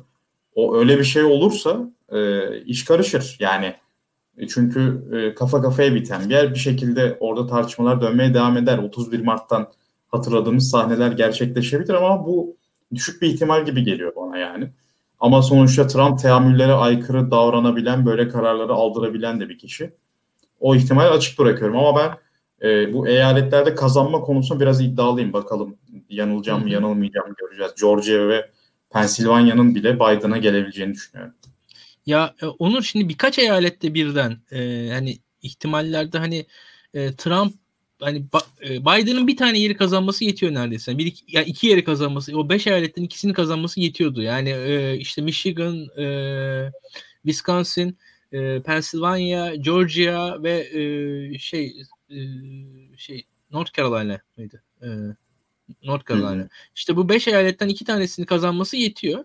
Şimdi bu beş eyaletten beşini birden mesela Biden alırsa e, bu işi çok uzatamaz diye düşünüyorum ben e, Trump'ın. Yani bunun artık e, uzatılacak bir tarafı olmaz yani. Ama ya bu beş eyalet ucu ucuna hani 270 ile senin mesela anlattığın hikaye gibi bir hikaye gelirse yani o zaman da atıyorum Pennsylvania'yı, e, Georgia'yı ve North Carolina'yı e, Trump kazanmışken e, işte e, işte Michigan'la Wisconsin'i e, Biden kazanırsa Michigan'da özellikle e, Wisconsin'de e, bu, bu işi sonuna kadar zorlarlar. Yani iş sonuçta bir eyalette bir seçim sonucunda değiştirdikleri anda seçimi kazanıyorlar. Yani o zaman da evet. sonuna kadar zorlayacaklarını tahmin etmek zor değil. Yani o, o tarz bir pozisyonda. E, ama birkaç eyalette birden sorun varsa zannetmiyorum yani o, o kadar onu, onu da zorlayabilirler mi emin değilim. Ama tabii şimdiye kadar olduğu gibi çünkü mesela biz sonuçta hatırlarsın işte yani Florida seçimlerinde bunu yaşadık. Florida seçimlerini yaşadık çünkü Florida seçimlerinde kafa kafaya gelmişti. Yani Florida'yı kim kazanırsa o kazanacaktı orayı. E, o, o noktada o iş öyle yaşandı. Başka zaman öyle bir e, süreç yaşamadık diye düşünüyorum. E, evet. Ve burada da şöyle bir durum var. E, yani her ne kadar yüksek mahkeme, e, hani Amerika'da bir YSK yok. E, ama Amerika'da bir yüksek mahkeme var. Şimdi e, esasında YSK yani yüksek mahkemeye gidene kadar da esasında eyaletler hakim konuya.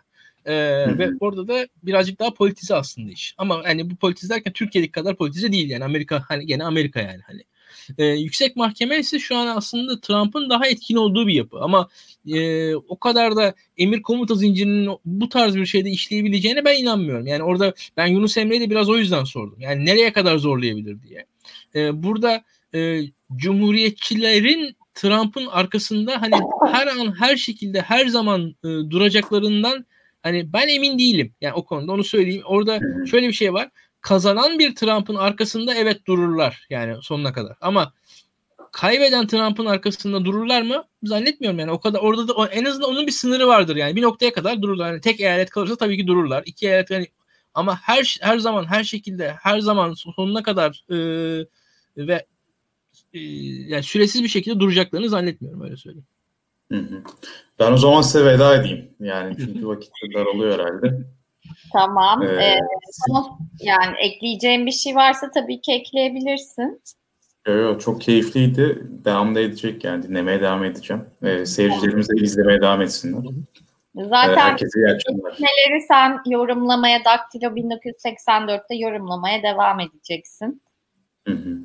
Öyle herkes Öyle. takip edebilir yani ilerleyen günlerdeki yorumlarını. Peki Nezih çok teşekkürler. Çok teşekkür ederiz katıldığın ben için. Ben teşekkür ederim size bu fırsatı verdiğiniz Gerçekten. için. İyi akşamlar. Görüşürüz. Hoşçakal. Görüşmek üzere. İlkancığım şimdi e, Burak Hoca'yı soruyorlar ama ben e, Burak Durgut'u davet edeceğim.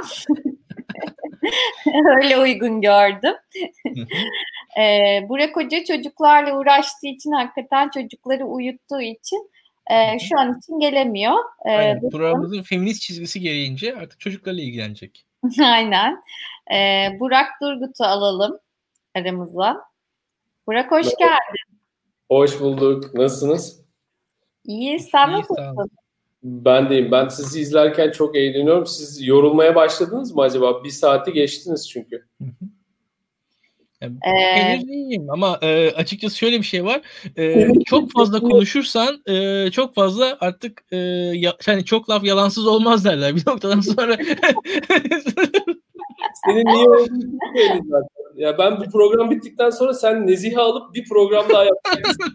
ya biz onu yapacağız tekrar. Ya şöyle bir durum var. E, en son e, böyle county county bakmaya başladı. Georgia'da bir county bulduk. Tamam mı? E, oradaki en e, Trumpçı yer. E, county hakkında Wikipedia'da şöyle bir şey yazıyordu. En büyük geliri trafik cezalarıymış. E, county'deki en büyük olay e, polis e, karakoluymuş. Orada da ya adam başına da yılda 1500 dolar falan trafik cezası yazılan bir yermiş aslında. Öyle çok garip bir ya orada ya ciddi bir karakol varmış orada. Her gelene geçene ceza yazıyor. Hani oradaki e, e, kasabanın ekonomisi de o cezalarla işliyormuş ya. Öyle bir yer varmış Amerika'da mesela. Ben bugün yoğundum. O yüzden e, böyle psikolojimi bozamadım meseleyle ilgili ama ben dedim ki kesin yani Nezih ve İlkan psikolojisi bozulmuştur artık öyle dalmışlar. Kesin ya biz artık yani o, kendimizden geçtik onu söyleyeyim. Sizin verdiğiniz veriler üzerinden ben de ancak takip edebildim. Hı hı. Enteresan bir yarış oldu, enteresan bir e, şey oldu. Hep dünya için enteresan bir dönemde yaşadığımız için herhalde hepimizi etkileyecek garip bir şey yaşadık ama bakalım ne olacak. Ya e, şöyle şimdi dünyaya olan ilgisini alakasını aslında e, konuşmamız gerekiyor. Çin bir yandan bu konularda her zaman artık ana gündemimiz. Bir yandan tabii Avrupa Birliği ana gündemimiz. Öte yandan Tabii Türkiye'ye nasıl yaklaşacak, ne olacak? Rusya bir tarafından e, bu işin bir parçası. Yani Amerikan seçimlerini bunlar olmadan konuşamayız. Zaten Türkiye'de olduğumuz için Türkiye. Yani tek tek e, birçok bilinmez ve birçok bilinen şey de iç içe. Şimdi e, henüz tabii başkan belli değil. Yani başkan henüz belli olmadığı için de e, şey noktasına gidemiyoruz. Yani mesela ben Türkiye'nin dış politikası açısından mesela Biden'ın ekibindeki isimleri şu an biz alt alta saysak yani ilginç bir sonuçlar çıkartırız bundan yani. Biden ekibindeki isimler hatta ya ben geçen yayın biraz ileri de gittim yani. Bir, bir kişi daha saysan Murat Karayalan falan diye sayacaksın. Yani o, o ekip öyle bir ekip neredeyse. Ee, şimdi o, o o ekip hakikaten başka türlü. E şimdi onun dışında e, Biden'ın e, kendisine üzerinden geldiğimiz zaman da Donald Trump'ın Biden'a anlattığı bir tabir var. 47 yıldır siyasettesin. Yani Biden 47 yıldır siyasette, 47 yıldır Amerikan siyasetinde olan bir adam Türkiye Cumhuriyeti gibi bir devleti karşısına almaz. Yani bunu çok net hani ben bunun da biraz hani yılların getirdiği bir tecrübe artık bende de var. Yani 47 yıllık siyasetçi Türkiye'yi karşısına almaz. Çünkü 40 yıl 47 yılda öğren yani bu bakın e, şöyle söyleyeyim ben. E, tecrübe e, ciddi bir okul. Yani hakikaten ciddi bir okul. Tecrübe öyle az bir şey değil yani. Hakikaten e, işte dede falan deniyor Biden'a da ya gerçekten yani yaşlı insanların görgüsü diye bir şey var. Bu 10 yıl siyasette geçirmek bayağı bir şey öğretiyor insanlara da. Yani bir e, en azından zihni olgunlaştığı zaman e, bayağı bir şeyin farkına varıyor, anlıyor. E, yani şöyle söyleyeyim bir ülkeyi mesela yok etmemek gerektiğini öğrenmiştir. Bir ülkeyi en azından tamamen karşısına almamak gerektiğini öğrenmiştir diye düşünüyorum ben. O, evet. o açıdan ben zaten Biden'ın e, tamamen Türkiye karşıtı bir pozisyona kayacağına inanmıyorum. Onu söyleyeyim. Ve ya bu konuda mesela bazı enteresan yorumlar var. İşte Biden ekibinde AK Parti'ye yakın birisi varmış. İşte Boşnak birisi girmiş falan. O, o isimleri falan ben tek tek aradım. Ya var hakikaten onlar. Yani onlar gerçek. E, ve şöyle söyleyeyim Biden'da da Türkiye en azından Türk hükümeti anlaşma yollarını arayacaktır.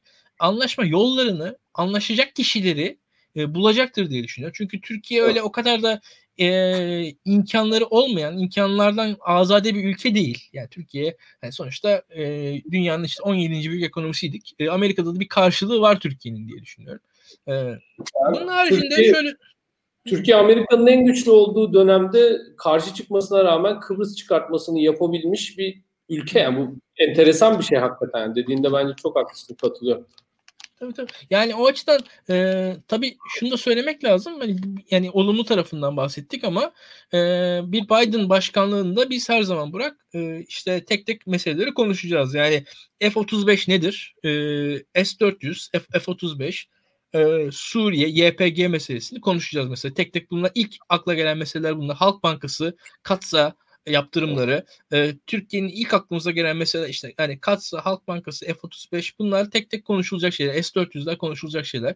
E, işte ondan sonra Türkiye Yunanistan meselesinde mesela Trump e, tavır almadı.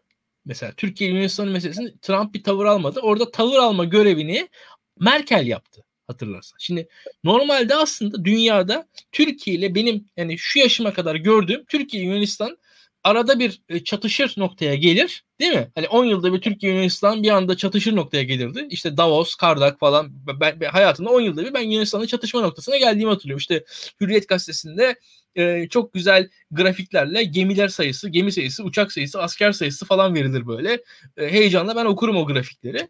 E, şimdi o, o yaşanırken bir anda Amerika yok. Yani ilk defa Amerika yani öyle bir şey yaşanırken yani biz evet. 10 yılda bir olduğu gibi Yunanistan'la çatışma noktasına gel, geldiğimizde Amerika yoktu. Bu Donald Trump'a has bir şey mi? Yoksa Biden zamanında böyle bir şeyle mi karşılaşacağız bilmiyoruz. Ben Donald Trump'a has olduğunu inanıyorum. Ama Biden zamanı ne olacağını bilmiyorum. Onu söyleyeyim. Ama şunu bu şeylere baktım da gelmeden önce Biden'ın dış politika ile ilgili e, ne neyi ne istediğine, ne yapmak istediğine dair böyle bir şeyler e, araştırdım.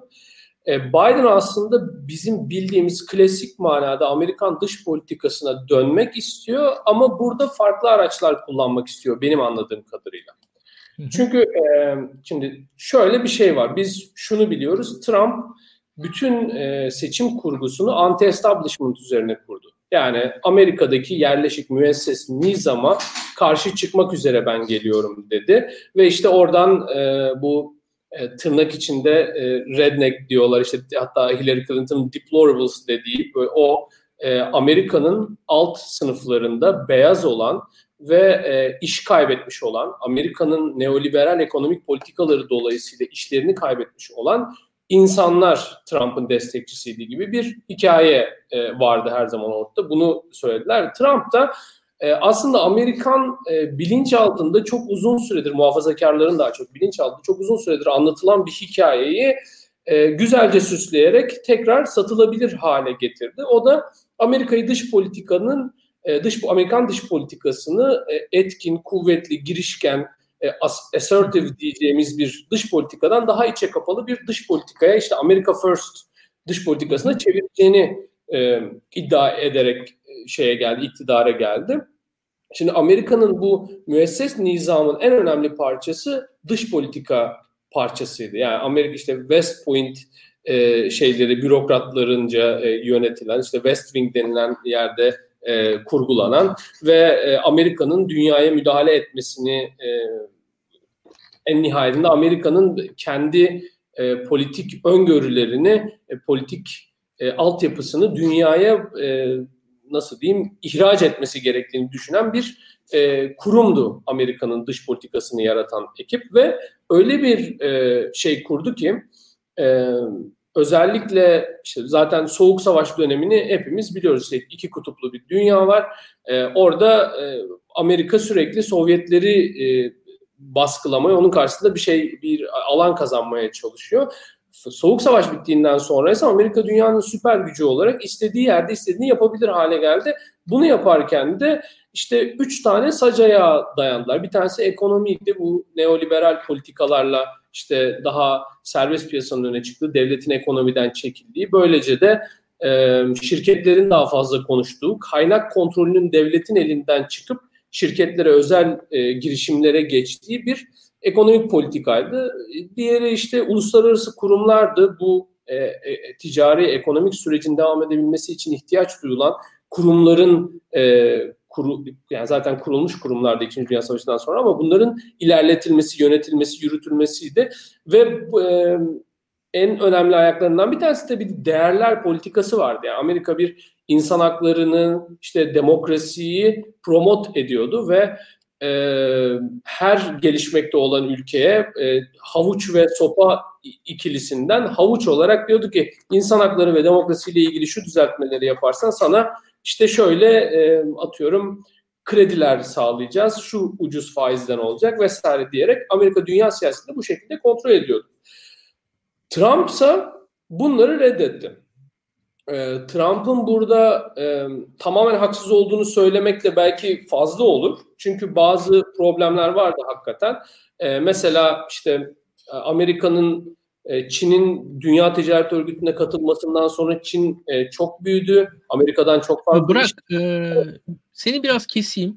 Şunu Buyur söyleyeceğim. E, şimdi Çin konusuna da biraz girmeden önce çünkü hani Türkiye açısından bence çok önemli olan ve Trump'ın da e, ters yüz ettiği ve bir yandan da Obama'nın da e, Obama'nın döneminin damgasını vurmuş bir anlaşma var. İran nükleer anlaşması var. Ve yani evet. bu İran nükleer anlaşmasından e, biliyorsun ki e, Trump geri çekildi ve Avrupa Birliği o anlaşmanın ya sadık kalmaya, İran'la bir arayol bulmaya çalıştı. E, ve e, Trump döneminin bakarsak biz en büyük dış politika e, daki askeri hamlesi Kasım Süleymani suikasti ve e, Ebu Bekir Bağdadi'nin öldürülmesi. Yani Ebu Bekir Bağdadi zaten IŞİD başındaki adam yani. Hani Kasım Süleymani ise İran Kudüs Tugaylarının başındaki. Yani İran devletinin bir e, esas Amerika onu terörist örgüt olarak kabul ediyor ama yani İran devletinin resmi e, maaşlı memuru bordrolu adam yani hani Kasım Süleymani açıkçası. Irak'ta, evet. Bağdat'ta Amerikan elçiliğine yapılan saldırıdan sanırım bir hafta kadar sonra e, o civarlarda Bağdat'ta Kasım Süleymani öldürüldü. Bir drone saldırısı olması lazım. Öyle bir saldırıda e, öldürüldü. Yani füze saldırısı hatırlamıyorum şimdi yanlış olmasın. E, ve bu yani Trump döneminin teknik olarak en büyük olayıydı bence. Yani askeri bir hareket olarak ve e, İran'a karşıydı. Yani İran anlaşmasını bozdu ve şimdi bir diğer olayı da şuydu Trump döneminin e, Amerika Büyükelçiliğini Kudüs'e taşıdı ve e, Kudüs'ü İsrail başkenti olarak kabul etti. Arkasından Suudiler vesaire diğer Arap ülkeleri de aslında İsrail ile ilişki kurdular. E, burada e, Sudan mesela en son kurdu İsrail ile ilişki yine bir Arap ülkesi. Bu da aslında Trump'ın e, İran karşıtı pozisyonunu güçlendiren bir e, yaklaşımdı. Yani İran karşıtı Trump oldukça Arap ülkeleri de ona yaklaştı. Şimdi e, Biden geldiği zaman bir, yani sana sorayım ben. İran anlaşması tekrar masaya gelecek mi? İkincisi Arap ülkeleri İsrail ile dengeler farklılaşacak mı değişecek mi sence? Ya benim görebildiğim kadarıyla Biden o e, Obama'dan devraldığı legacy'yi, o e, ne derler birikimi bence devam ettirmek için elinden geleni yapacak gibi görünüyor. E, çünkü özellikle şey e, vurgusu çok fazla Biden'ın. E, bizim moral leadership, e, bir ahlaki lider olarak öne çıkmamız lazım diyor. Şimdi bu aslında içinde bir müdahalecilik barındıran da bir söylem. Yani öyle e, sadece biz hadi önderlik yapalım, biz çok iyi insanlarız, insan hakları olsun, demokrasi olsun diye çıkıp öyle hareket ed yani kafana göre hareket edemezsin. Bunu destekleyecek bazı e, araçlarının olması lazım. E, Amerika'da bu araçlar bir süre e, askeri araçlardı. Şimdi daha çok ekonomik araçları kullanmayı e, şey yapıyorlar, e, daha doğru buluyorlar. E, çünkü Irak Savaşı'nda ağızları yandı bu meseleden dolayı. E, Biden'ın Obama'nın bıraktığı yerden devam etmek istediğini düşünüyorum. Dolayısıyla İran'la çünkü İran'la yapılan anlaşmadan geri çekilmenin sebebi aslında e, cumhuriyetçilerin yine bilinç altındaki bir bu şey döneminde de var ya e, işte Sovyetlerle ilk e, nükleer anlaşmalara e, gir, giriştiklerinde cumhuriyetçiler karşı çıkıyorlar. Ya işte eğer biz e, Sovyetlerle bu e, nükleer anlaşmaya girersek yani şunu şey yapıyorlar nükleer anlaşma dediğim şey de bu işte e, Ruslar da e, Amerikalılar da bazı başlıklar üretmesinler bazı başlıklar işte bazı nükleer başlıklar şu sayıda üretilsin diye bir anlaşma yapalım. İşte e, bu meseleye artık daha fazla yatırım yapıp çılgınca bir e, nükleer e, proliferation artık e, ne derler nükleer çoğalma e, yaşamayalım diyorlar. E, fakat Cumhuriyetçiler diyorlar ki ya eğer biz nükleer üretim yapmayı durdurursak Sovyetler nükleer üretim yapmaya devam edecekler ve bu bizim başımıza ileride bela olur. Şimdi bu aynı e, bakış açısı İran meselesinde de öne çıktı benim gördüğüm kadarıyla.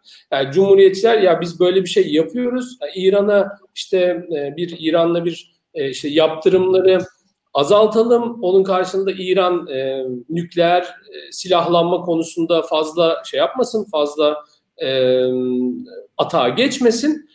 E, Trump geldiğinde de ya bu böyle şey olmaz deyip resmen kaldırıp e, kenara attı meseleyi ve e, Biden ve Demokratlar aslında bu meseleyi bir zafer olarak ortaya koyuyorlardı.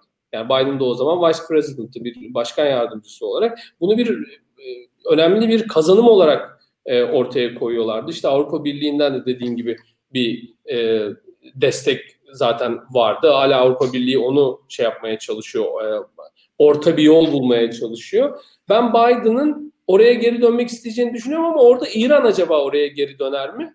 Bence asıl mesele o. Yani e, ben aslında onu senin yorumunu merak ediyorum orada. Sence İran'ın içinde İran'dan böyle bir tekrar Amerika'ya güvenmek mümkün mü? Çünkü öyle şeyler var ki Avrupa Birliği'nin bile tekrar Amerika'ya güvenip güvenemeyeceğini ben kendi içimde sorguluyorum. Çünkü e, bu öyle yerlerden döndü ki Trump. Yani Almanya'dan işte Amerikan askerlerini çekmekten tutun da e, işte NATO'ya yapılacak e, para e, NATO'ya verilecek fonu azaltmak vesaire hani o kadar fazla şey yaptı ki tekrar Avrupa Birliği'nin bile Amerika'ya güvenip güvenmeyeceği meçhul. Ee, İran kaldı ki İran güvensin yani. Ben e, hiç öngöremiyorum onu. ya ben İran'la ilişkilerin düzeleceğini çok düşünmüyorum.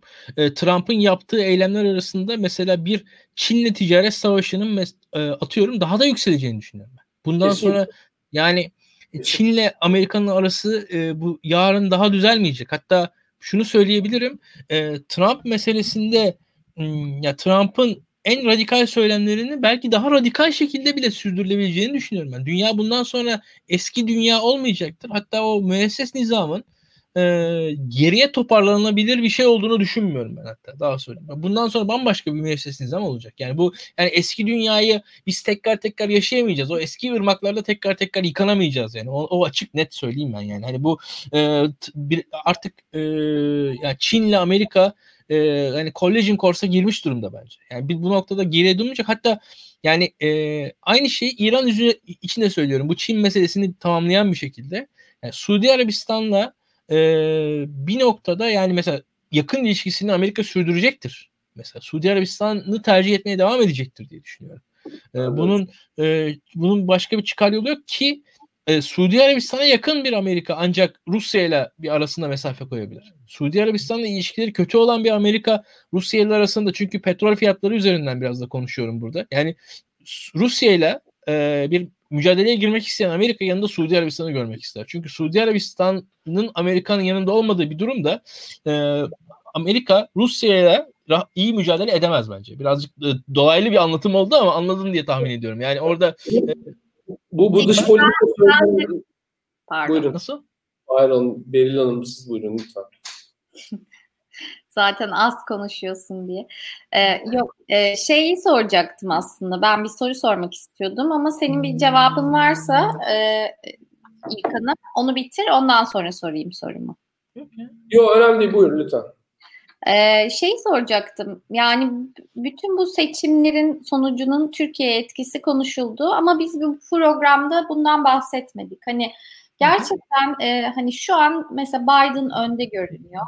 E, Biden'ın e, başkan olması Türkiye'yi nasıl etkiler? E, ve Trump olsaydı nasıl etkilerdi? Ben onu çok merak ediyorum. Şimdi çok hızla söyleyeceğim. Birincisi ben Trump'ın ikinci döneminin eğer olursa hala Trump'ın başkan olma ihtimali var. İlk dönemine göre çok daha bilinmezlerle dolu olacağını inanıyorum. Çünkü Hı-hı. Amerika'da şöyle bir algı vardır. İlk dönem siyasetçidir, ikinci dönem devlet adamıdır denir. Bence Trump ilk dönem olabildiği kadar devlet adamı olabildi. İkinci dönem daha kendi olacaktır. O eğer olursa ve daha da kont- e, bence ikinci döneminde Trump daha kontrolsüz bir Trump olarak karşımıza çıkacaktır. Çünkü tekrar seçilme ihtimali yok. E, yani o açıdan Trump daha bilinmezlere açık, askeri müdahalelere daha yat- yatkın bir e, idare sergileyecektir. İkinci dönemi olursa Trump'ın. Ben, benim kanaatime göre. Ya ben Trump'ın ikinci döneminin eğer olursa Türkiye açısından ilk dönemi kadar dahi iyi olacağına inanmıyorum. Hala ilk dönemi ne kadar iyi oldu o da tartışmalıdır ama yani bir, bir defa onu bir söyleyeyim. Yani Türkiye'deki algının da biraz hatalı olduğunu düşünüyorum o yüzden. Trump'tan beklentim e, yani Türkiye açısından dahi e, birazcık daha e, negatif yani menfi beklentilerim var öyle söyleyeyim Türkiye açısından. E, Biden konusunda da şöyle e, Biden'ın ekibinde e, Suriye'deki Suriye'nin doğusu kuzeydoğusundaki Rojava'daki e, PYD yapısının ye, e, yakın isimler var bir defa. Yani Biden'ın ekibinde Amerika'nın orada yaptığı yatırımı koruyacak e, isimler var. Şimdi bunu görmek lazım. E, onun haricinde Kamala Harris gibi figürler e, ve eski e, Biden kampanyasından e, kampanyasında yer alan diğer figürleri alt alta koyduğumuz zaman Türkiye'nin e, çok kolay e, anlaşacağı isimler olduğunu düşünmüyorum. Yani bu açıdan Türkiye sıkışacaktır.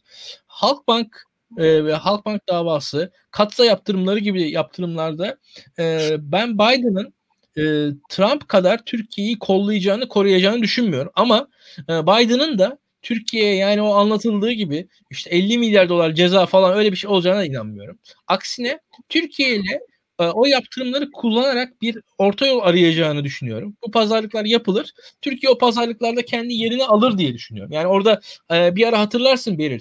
E, yani işte katsa yaptırımları gelecek. Türkiye'de işte hani e, işte a, a, arabanın kontağını çeviremeyeceğiz. İşte bank yaptırımları gelecek. Bankalarda para kalmayacak falan. Bir öyle korkular vardı. Evet. O korkuları çok da gerçekçi değildi yani. O konu e, yani Türkiye ölecek bitecek falan öyle bir şey yok e, diyordu. E, burada e, bunu görmek lazım yani. Ben o konularda aşırı kötümser ve değilim yani. O konularda Türkiye bir yol bulur diye düşünüyorum. Çünkü yani geçmiş tecrübem bana bunu gösterdi öyle söyleyeyim. Yani yani hep böyle bir e, aşırı bir e, Türkiye bitti muhalefeti yapılıyor oralarda. O kadar olmuyor yani. Ben şimdiye kadar da aynı şeyin olacağını düşünüyorum. Hı hı. Onu söyleyeyim.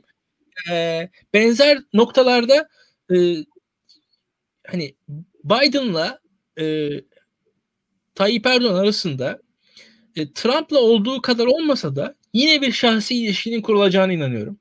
Yani Biden'ın bir şekilde yani Tayyip Erdoğan'ı çok sevmediği açık. Ama e, bir anlayış oluşturabileceğini, bir kanal bulabileceğini düşünüyorum. Burada hatta şöyle söyleyeyim. Biden'ın e, kabinesindeki hangi figürle Tayyip Erdoğan arasında iyi olacağından emin değilim.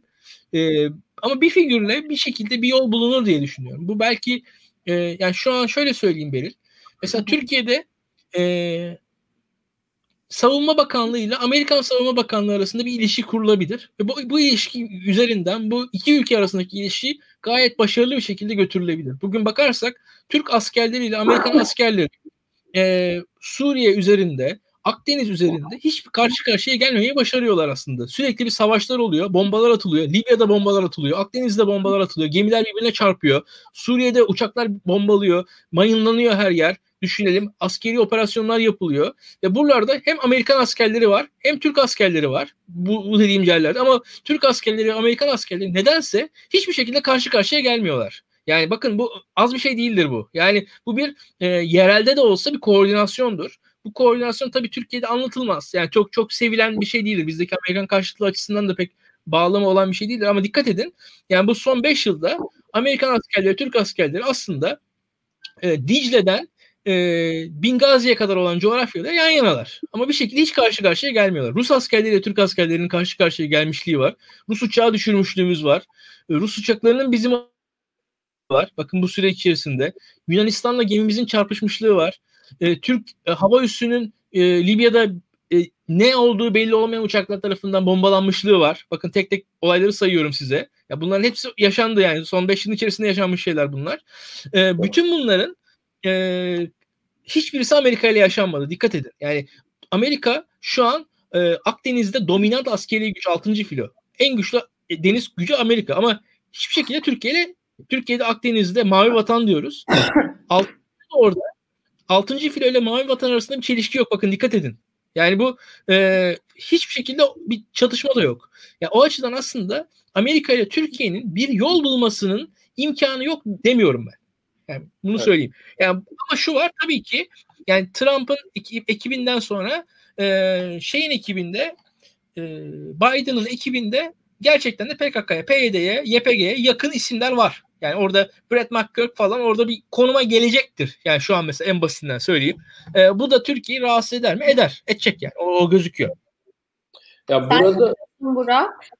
E, burada şöyle bir şey var. Şimdi Türkiye'yi sadece Amerika'ya göbekten bağlı bir ülke gibi de düşünmemek lazım. Türkiye sürekli alternatiflerini yaratmaya çalışıyor. Yani bu son dönemde işte özellikle bu ekonomik modelde de bir değişime gidiliyor. Bu ekonomik modelde gidiş dönüşümle birlikte e, bu e, uzun süredir uluslararası ilişkiler literatüründe konuşulan bir şey.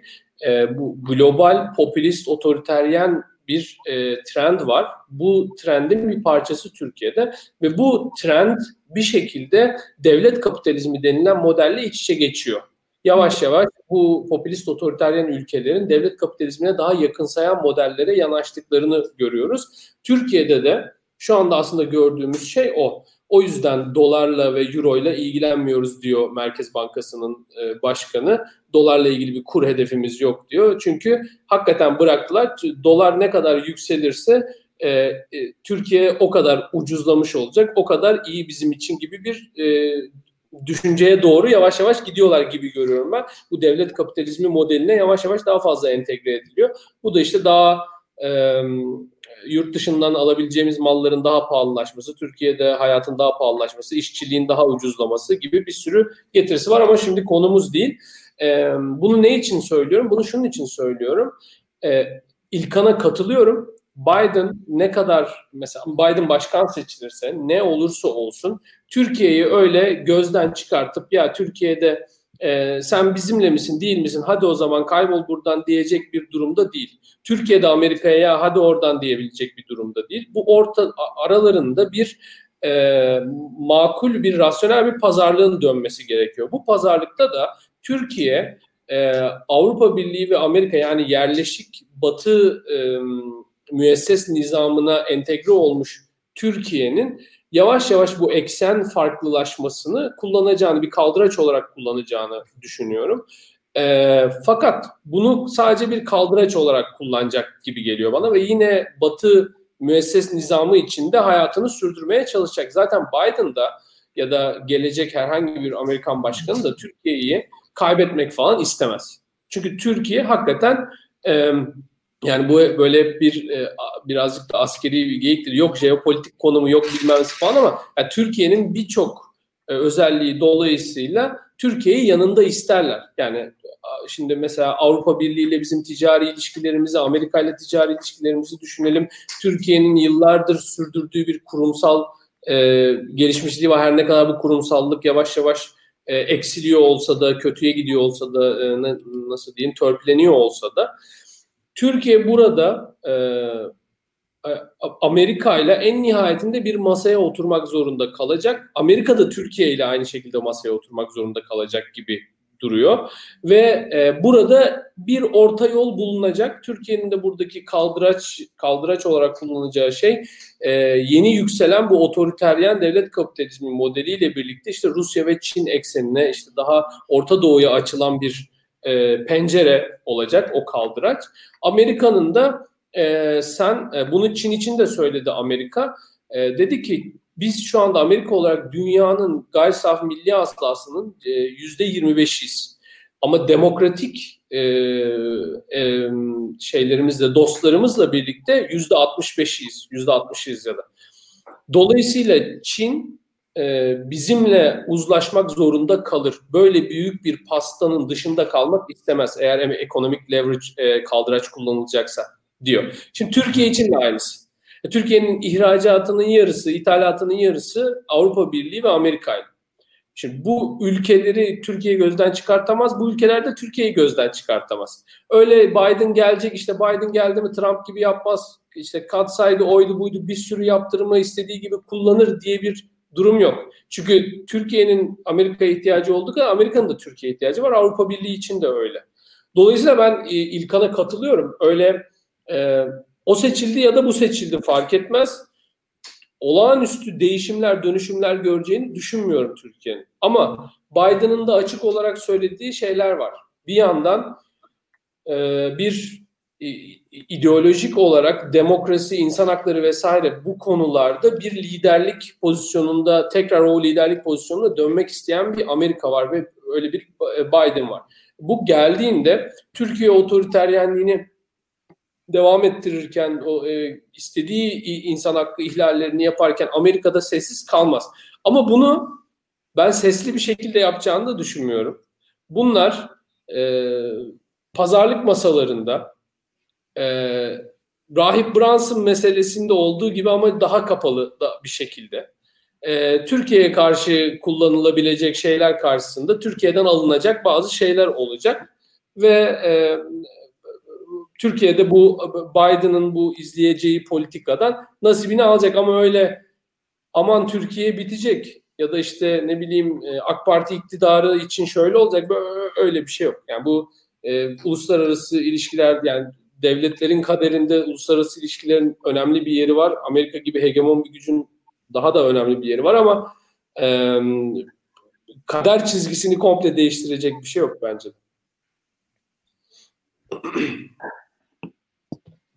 Peki benim başka bir sorum yok. Arını alacağız yayına zaten. Senin başka bir sorun var mı İlkan ya da Burak senin hani toparlamak için eklemek istediğin bir şeyler var mı? E, sadece şunu söyleyeceğim kısaca. Ya, umarım e, yani kim başkan seçilirse seçilsin Türkiye'yi e, Batı bloğundan ayıracak kadar büyük baskı yapmaya çalışmaz e, o büyük baskı Türkiye'yi e, Rus-Çin eksenine, o otoriteryen devlet kapitalizmi modeline daha fazla itmez. E, umarım rasyonel bir tartışma, bir e, pazarlık neticesinde e, ortada bir nokta bulunur. E, memleket için de en hayırlısı o olur diye düşünüyorum. E, size de teşekkür ediyorum. Biraz da şu an hükümetin sessizliğinden ve e, bek hani beklemede olmasından biraz da aslında onu anlıyoruz. Belki de e, kim seçilirse onunla kuracağı ilişkileri planlıyor. E, çünkü ya, Amerika ile her zaman e, ilişkilerini sürdürmek zorunda. Şimdi çok basit bir şey söyleyeyim hatta Beril. Daha iddialı konuşayım. Senin gazeteci olarak da içinde bulunduğun bir süreçti. Ya Türkiye hani sabah Osman Kavala'yı bırakan da Türkiye, akşam onu tekrar tutuklayan da Türkiye. Yani baktığın zaman Türkiye iki politikayı da sürdürebiliyor yani. Türkiye açısından çok bir şey yok. Hani başka bir yönetime de uyum sağlar bizim yönetimimiz diye düşünüyorum. Katılıyorum abi. Ben de öyle düşünüyorum. Peki Burak Durgut çok teşekkür ederiz Burak Hocam. Ben teşekkür ederim. Ee, Bilgehan Hoca yoktu ben vardım. Kusurumuza bakmayın. Görüşmek üzere. Hoşçakalın. Hoşçakalın. Şimdi hemen e, aslında arını yayına alıyorum İlkan. Tabii.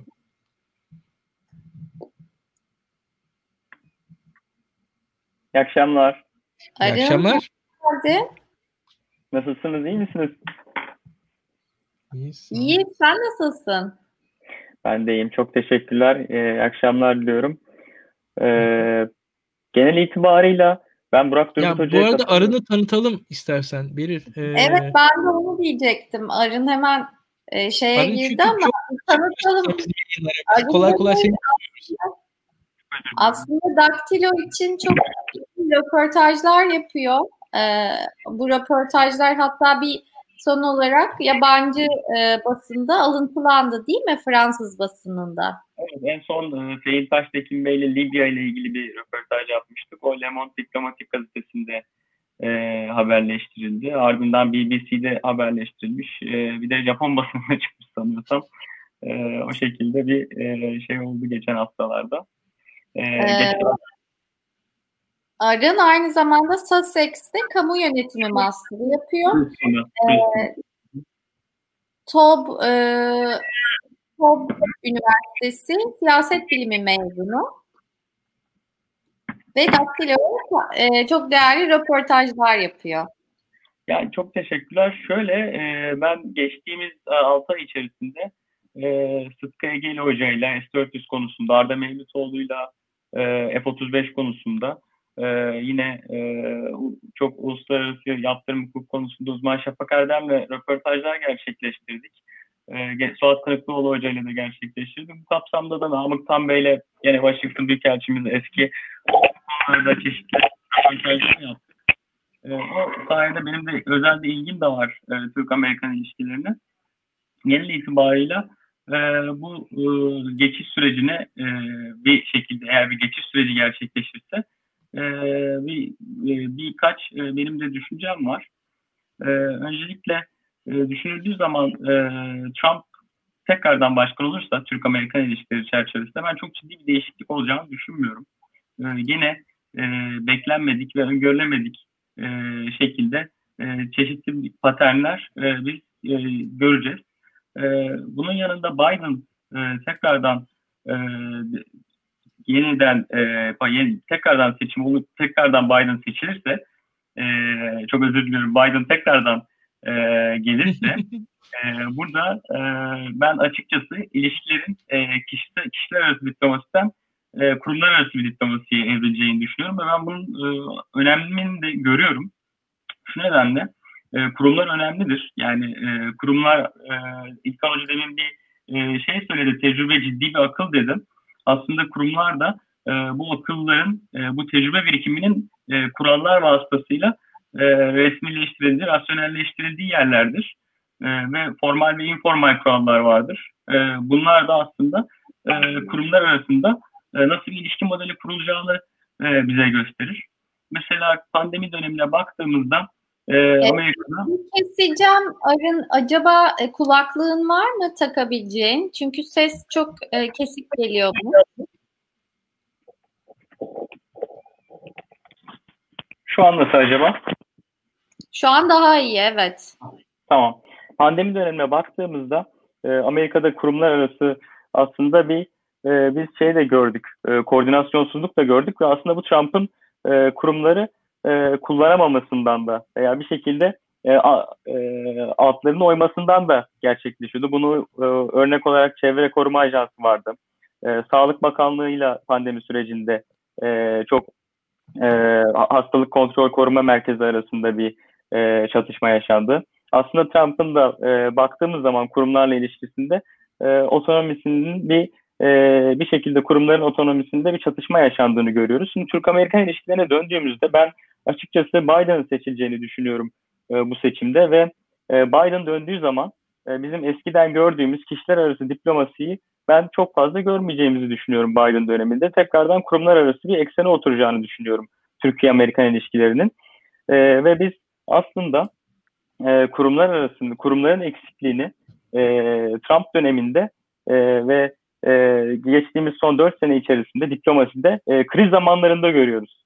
Yani e, demin İlkan Hocam e, şey Osman Kavala örneğini verdim. E, bir gün içerisinde tekrardan serbest bırakılıp e, tekrardan e, tutuklanması veya Brunson krizi de buna örnektir. E, çok kısa bir süre içerisinde değişimler. Bunlar aslında e, kurumların e, kural, kurallarının yeteri kadar işletilememesinden e, kaynaklanıyor. Çünkü e, bu kriz zamanlarında e, aslında kurumsal eksiklikler yani bizim state capacity dediğimiz e, kurumların e, kapasiteleri ortaya çıkıyor. E, biz bunu kriz zamanlarında e, aslında görüyoruz. E, bu çerçevede şunu da söylemek istiyorum. E, bu e, kriz zamanlarında e, buna örnek olarak şu anda deprem maalesef yaşandı. e, biz televizyonlarda deprem uzmanlarını görüyoruz. Kriz zamanlarında genel itibariyle teknik bilgileri olan ihtiyaç artar. E, eğer bir yerde teknik bilgileri olan ihtiyaç artmıyorsa, çünkü açıklanması gerekir e, bir meselenin, e, bir şeylere vardır. Orada e, o alan e, kriz olarak belki de tanımlanmıyordur. Yani belki de biz şu anda aslında televizyonlara baksak neyin hangi konularda uzmanlar çıkıyorsa, hangi konularda çıkmıyorsa e, oradan e, kriz olarak hangi meselelerin tanımlandığını, hangisinin tanımlanmadığını görebiliriz. E, burada biz e, şu kurumsallaşma paterni görürsek Biden'la ilişkiler, e, Biden tekrardan seçildiği e, kapsamda ben e, retoriğin, duyguların e, biraz daha azalacağını düşünüyorum. Politika yapım süreçlerinin, siyasetinin azalmasından e, azalacağını düşünüyorum. Biz Trump dönemine baktığımızda aslında şunu da gördük. Washington'da çok güzel bir söz vardır. Washington'da en iyi başkan lobicidir diye. Yani senato, düşünce kuruluşları, e, onun dışında kongre, e, buralarda ne konuşulursa konuşulsun, ne pişirilirse pişirsin. Siz günün sonunda bir şekilde Amerikan başkanını ikna edebiliyorsanız e, bir şekilde e, siz durumu idare edebiliyorsunuz. E, ama bunun öte yandan dediğimiz gibi e, çeşitli riskleri de oluyor. E, yani e, çok iyi de gidebiliyorsunuz, kötü de gidebiliyorsunuz. E, o anlamda e, bir istikrar olmuyor, bir e, öngörülebilirlik olmuyor. E, o nedenle kurumların devreye girmesi e, ben e, öngörülebilirliği arttıracağını düşünüyorum. E, öte yandan e, düşünüldüğünde e, 2002 ile 2010 arasında Türkiye-Amerikan ilişkilerinde e, uluslararası lobi faaliyetlerinin benzerleri e, kişiler arası diplomaside kurulamıyor ve bu sayede bu nedenle de aslında e, bir yönetişim e, eksikliği çok net ortaya çıkıyor. E, ben Trump'ın e, kazanacağı senaryoda e, şu anda olduğu gibi e, öngörülemeyen bir ilişkinin olacağını, e, Biden'ın kazanacağında ise bunu olumlu veya olumsuz anlamda söylemiyorum, e, öngörülebilir e, kurumların devreye girmesiyle öngörülebilir bir e, paternin ortaya çıkacağını düşünüyorum ilişkilerde. Son olarak şunu da eklemek istiyorum. E, o öngörülebilirlik kapsamında S-400, F-35, Has Bankası e, bunlar tartışılarak veya belirtildiği gibi Burak Turgut Hoca e, bir şekilde e, müzakereyle e, çözülecek yönler. E, biz şu an bunlarla ilgili hani çok öngörülemeyiz, çok bir şey söyleyemiyoruz. Çok e, derin konular olduğu için çeşitli e, farklı farklı alanlarda e, yansımaları olduğu için. Fakat enerji ticareti e, Türkiye-Amerikan ilişkilerinde e, şu anda önemli bir yer tutuyor. E, biz e, son 3-4 yıla baktığımızda Türkiye-Amerikan ilişkilerinde e, LNG ticaretinin çok ciddi derecede arttığını görüyoruz. E, 2021 yılı önemli. E, e Türkiye'nin... Bir saniye LNG dedin de e, bu e, Biden'ın oğlu da LNG işinde biraz e, tecrübeli diye biliyorum. evet. E, o arada ben şunu hemen e, söyleyeceğim. E, 2021 yılında e, Türkiye'nin İran ve Rusya ile uzun dönemli gaz kontratları bitiyor. E, Türkiye'nin e, Avrupa'da Avrupa'nın şu an en büyük dördüncü gaz ithalatçısı konumunda. E, bu toplam 3,5-4 senedir e, Türkiye'nin Amerika'dan aldığı e, LNG e, ithalatı artmakta. E, onun yanında Nijerya var, Katar var. E, ama Amerika'da ciddi bir e, pay tutuyor.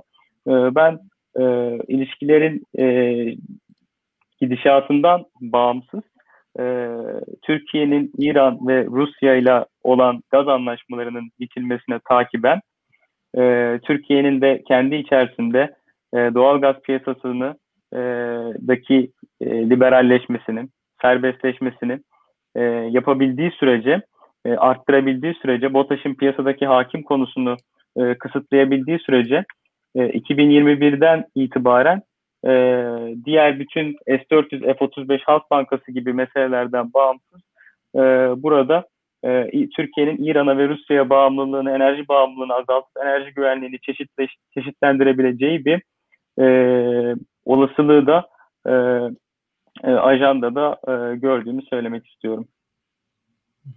Peki Arın çok teşekkürler. Ee, ben teşekkür ederim. Kısa e, zaman geçirdin ama çok değerli e, yorumlarda bulundun. Çok teşekkür ederiz katıldığın için. Çok sağ olun. Çok sağ olun. İyi yayınlar diliyorum. Görüşürüz. Hoşçakal. Şimdi e, e, Enes'i alacağız. E, genel yayın yönetmenimiz Enes'i alacağız yayına. İşte Ama Enes, geldi. Enes e, neredesin? Nereden bağlanıyorsun? ya ben bir yere doğru gidiyordum. Arabada onun için şimdi sağ çektim. E, güvenli bir şekilde size bağlan bağlanmak için. E, Arabadan bağlanıyorsun. Evet evet telefondan bağlanıyorum. Onun için e, internetle ilgili problem varsa kusura bakmasın herkes. Siz de iki saate yaklaştı yoruldunuz bayağı. Çok sağ olun. Rica ederiz. Ben küçük bir mola yaptım ama İlkan yapmadı mola. İlkan istersen sen mola yapabilirsin. Ben Enes'e... Sıkıntı değil. Ee, ben Enes'i bulmuşken sorayım. Çok seviyor. mola ee, yapmıyor. Ya Enes e, bir defa şöyle bir durum var. E, şimdi Biden'ın seçilmesi ihtimalinde dahi e, gözüküyor ki e, Senato'da Cumhuriyetçilerin etkinliği sürecek. Şimdi bunun neticesinde de e, piyasalar e, nispeten olumlu yaklaştılar. Çünkü yeni vergi kolay kolay gelmeyeceği ortaya çıktı. Ve bir yandan da hakikaten e, yani Demokrat Başkan e, Cumhuriyetçi Senato fikri e, piyasalar açısından olumlu yorumlandı diye ben gördüm. Sen nasıl bakıyorsun? E, bir yandan bu e, korona sırasında bir genişleme yaşandı. Bu genişleme sürer mi sürmez mi? Bir genel bir dünya ekonomisine dair senin yorumlarını alalım. Oradan biz konuya gireriz istersen. Ya şimdi e, zaten evet ben seçimlerle ilgili hiçbir şey demeyeceğim. Çok güzel anlattınız, açıkladınız. Her şey çok netleşti seçim kendisi hariç. E, bu e, aslında bakmamız gereken burada en önemli şey biraz önce senin bahsettiğin gibi e, ekonomik kararların nasıl alınabileceğine ilişkin şeyler. Şimdi o mavi dalga e, mevzusu yani Biden olursa başkan ve senato da aynı zamanda e, maviye boyansaydı e, büyük ihtimalle hızlıca bir şey açıklanacaktı.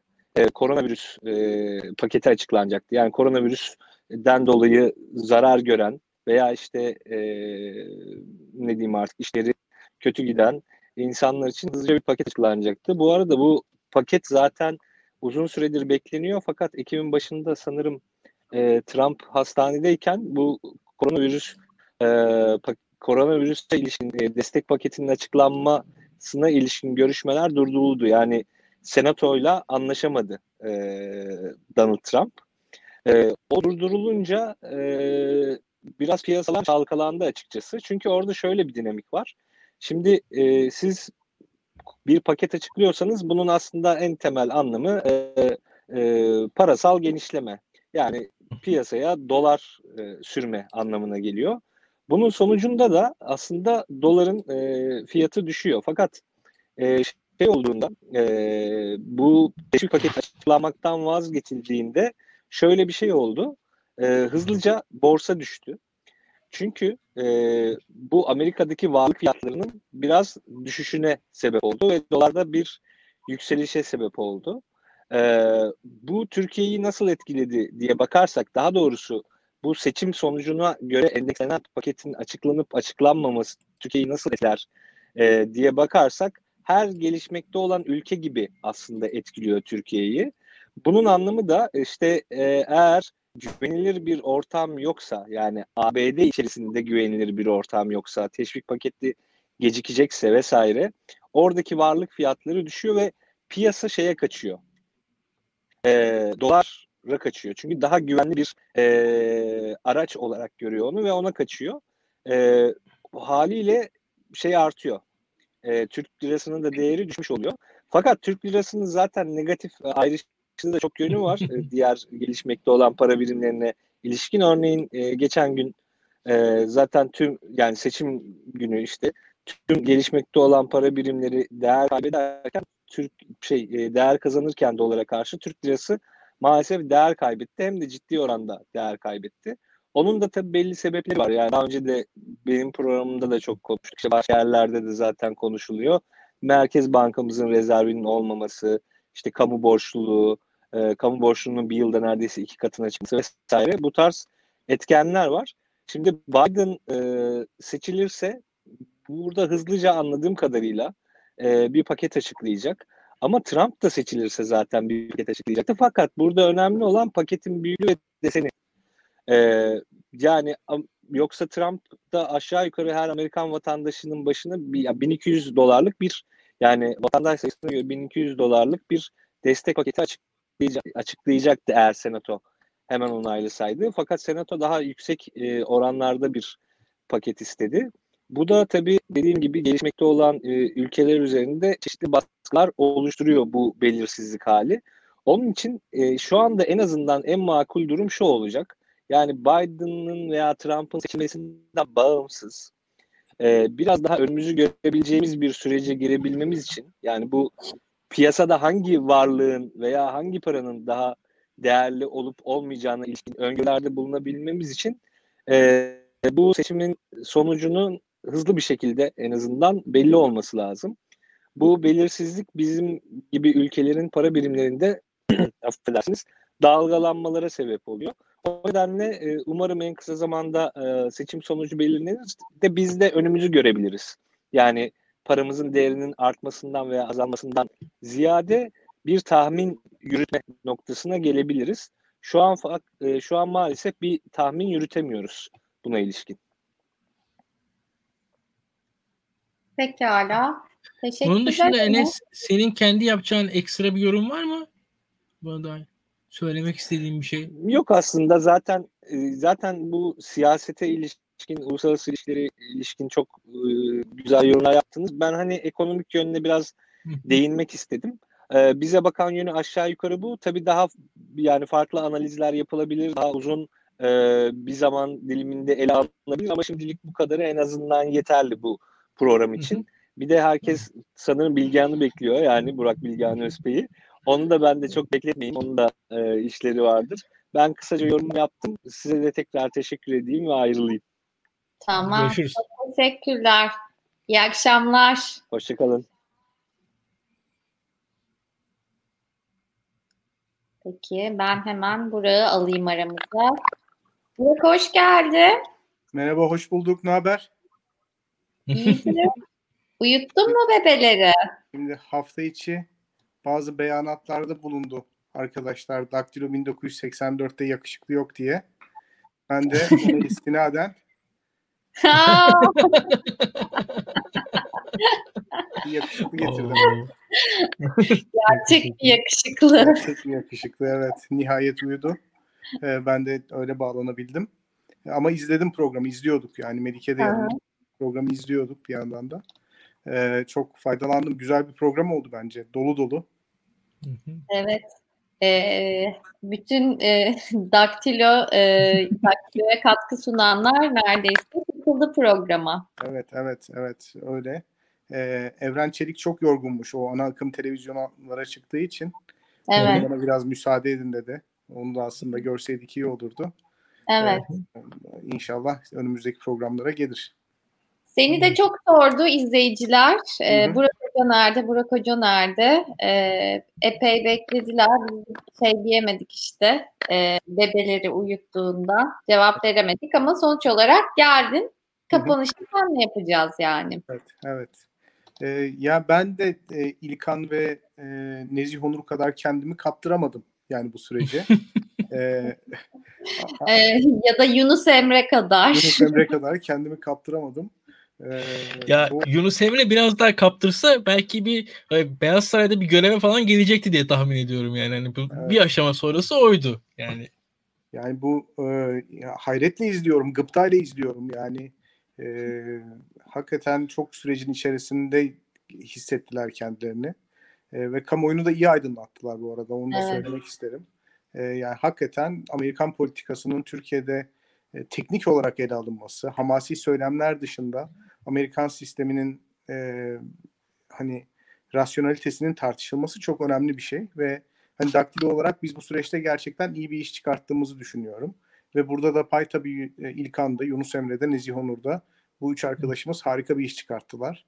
Ee, ya ve özellikle... biraz bir şey söylemek istiyorum Burak. Ee, ya e, şaka maka yani biz mesela teknik olarak hani bu sonuçları bildik. Yani hani bilmek diyeniyorsa hani en azından böyle bir sonuç çıkacağını öngörmüştük yani açıkçası. Yani Biden'ın kazanacağını ama zannedildiği kadar büyük fark olmayacağını söylemiştik. Ha, bu çok büyük uzman olduğumuzdan falan mıydı? Değildi aslında. Yani bir yandan da hakikaten makulce kendimiz görmeye çalıştık olan biteni.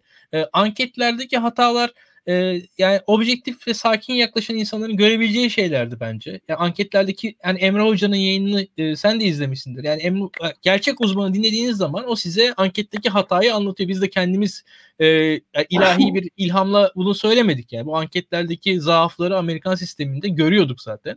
Ki e, Trump'ın da etkisini ki e, korona öncesinde Trump'ın gücünü falan da gördüğümüz zaman bu kadar büyük fark olmayacağını öngörüyorduk açıkçası. O açıdan hakikaten e, o yayınlarımız yani biraz şey oldu biraz övüneyim burada yayının sonuna geldik e, izninle. Yani evet. hakikaten seçim öncesi yaptığımız yayın insanların seçim sonrası yaptığı yayından daha doğru oldu. Çok komik bir şekilde. E, yani sonuçları daha iyi verdik seçim öncesinde yani neredeyse seçim doğru, sonrasında doğru. yapılan yayına göre. Doğru. Ee, ya zaten hani popülist idareyi indirmek çok zor bir iş. Yani hakikaten e, o normal bir seçimde iktidar el değiştirmesi gibi bir şey değil. E, dolayısıyla böyle büyük bir zaferle e, büyük bir hani mağlubiyet duygusu tattırarak galip gelmeyi herkes istiyor. Ama o kadar kolay bir şey değil. Yani hakikaten popülizm böyle küçümsenmemesi gereken, e, bir kere lider ile halk arasındaki duygusal ilişkiye yaslanan bir kavram olduğu için o duygusal ilişkiyi kırmak çok zor oluyor. E, yani özel hayatımızda da biz birçok rasyonel gerekçeye sahip olmamıza rağmen duygusal ilişki kurduğumuz eşyalarla, insanlarla, hatıralarla bağımızı kopartamıyoruz ki zaten. Hani bir de bunu siyasi olarak düşünün. İnsanlar da bu liderlerle bağlarını çok kolay kopartamıyorlar. O yüzden popülist liderlere karşı alınan zaferler öyle kolay zaferler olmuyor. E, ve e, hepsinden önemlisi bu yönetimleri mağlup ettiğiniz zaman içinizde böyle coşkulu bir şekilde yaşayacağınız zafer duygusu da olmayacak. Bundan da biraz feragat etmek gerekiyor çok akıllı olmak lazım. E, böyle bir şey. Ama yani e, Biden eğer seçilirse hakikaten ben sanıldığından daha fazla bir e, tepki olacağını, tepkime olacağını, dünyada daha önemli, çok önemli değişikliklere sebep olacağını düşünüyorum. E, İlkan'a katılıyorum. E, eski sisteme geri dönüş artık mümkün değil. Yani bu şuna benziyor. Mesela AK Parti dönemi bittiği zaman biz 2001 senesine geri dönmeyeceğiz. Hı hı. Yani 2001 dönemi kaldığı yerden devam etmeyecek. AK Parti zaten o 2001 senesindeki Türkiye'ye tepki olarak doğduğu için e, onun ürettiği bir şey. Ve burada establishment'lar kendilerini olduğu gibi koruma refleksi verirlerse, değişim talebini, dönüşüm talebini algılayamazlarsa hakikaten kaybetmeye mahkum hale geliyorlar. Bunu açıkça söylemek gerekiyor. Fakat establishment'lar değişim talebini karşılama üzerine bir söylem, bir politika geliştirebilirlerse, kendilerini de değiştirmeye, dönüştürmeye e, yönelik bir sinyal verebilirlerse burada başarılı olabiliyorlar. E, bu Daron Acemoğlu'nun son makalesinde de böyle bir durum var. Aslında bu, şekilde popülist hareketler faydalı bir e, noktada da tanımlanabilir. Yani toplumdaki değişim talebi ya da dünyadaki değişim talebi aslında var. Bunu inkar edemeyiz bu değişim talebine yönelik direnç veya ilgisizlik popülist liderleri üretti.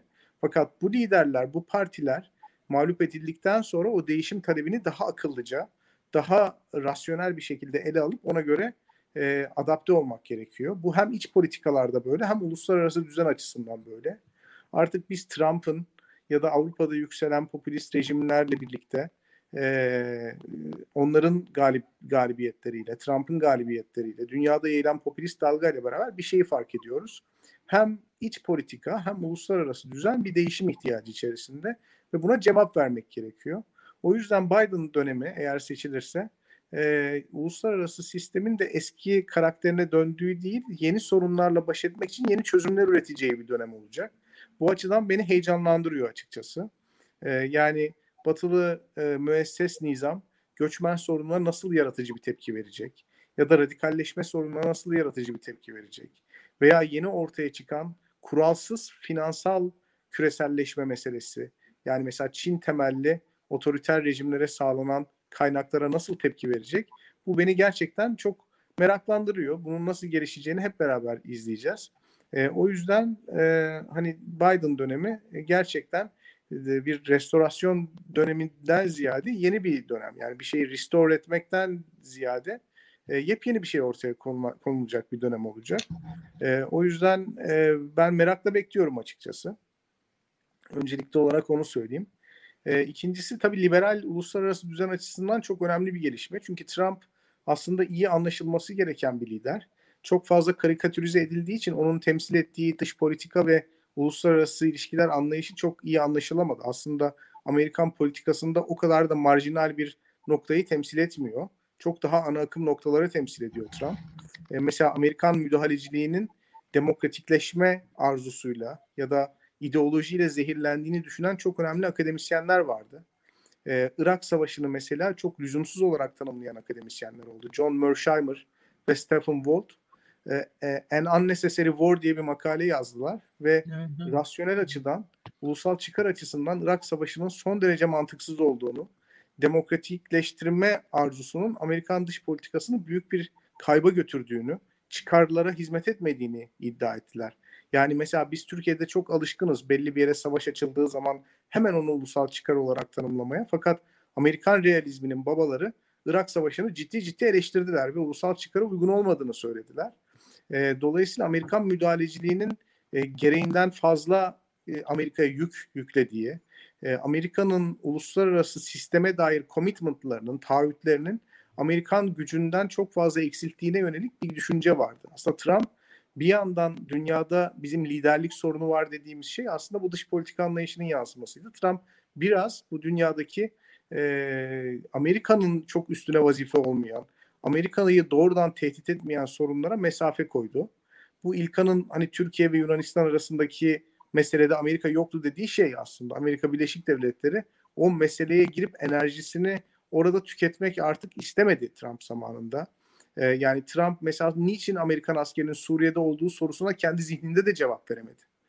Yani e, çok dolaylı olarak tanımlanan tehditler üzerinden Amerika Birleşik Devletleri Orta Doğu'da, Suriye'de veya Irak'ta mesela Trump için çok doğrudan olmadığı sürece bir tehdidi tehdit kabul etmek de mümkün değildi. O açıdan Suriye'de ve Irak'ta para harcamanın da çok mantığını çözemedi. O yüzden çok zayıf e, bir destek de gitti aslında Amerika'nın Suriye ve Irak operasyonları açık söylemek gerekirse.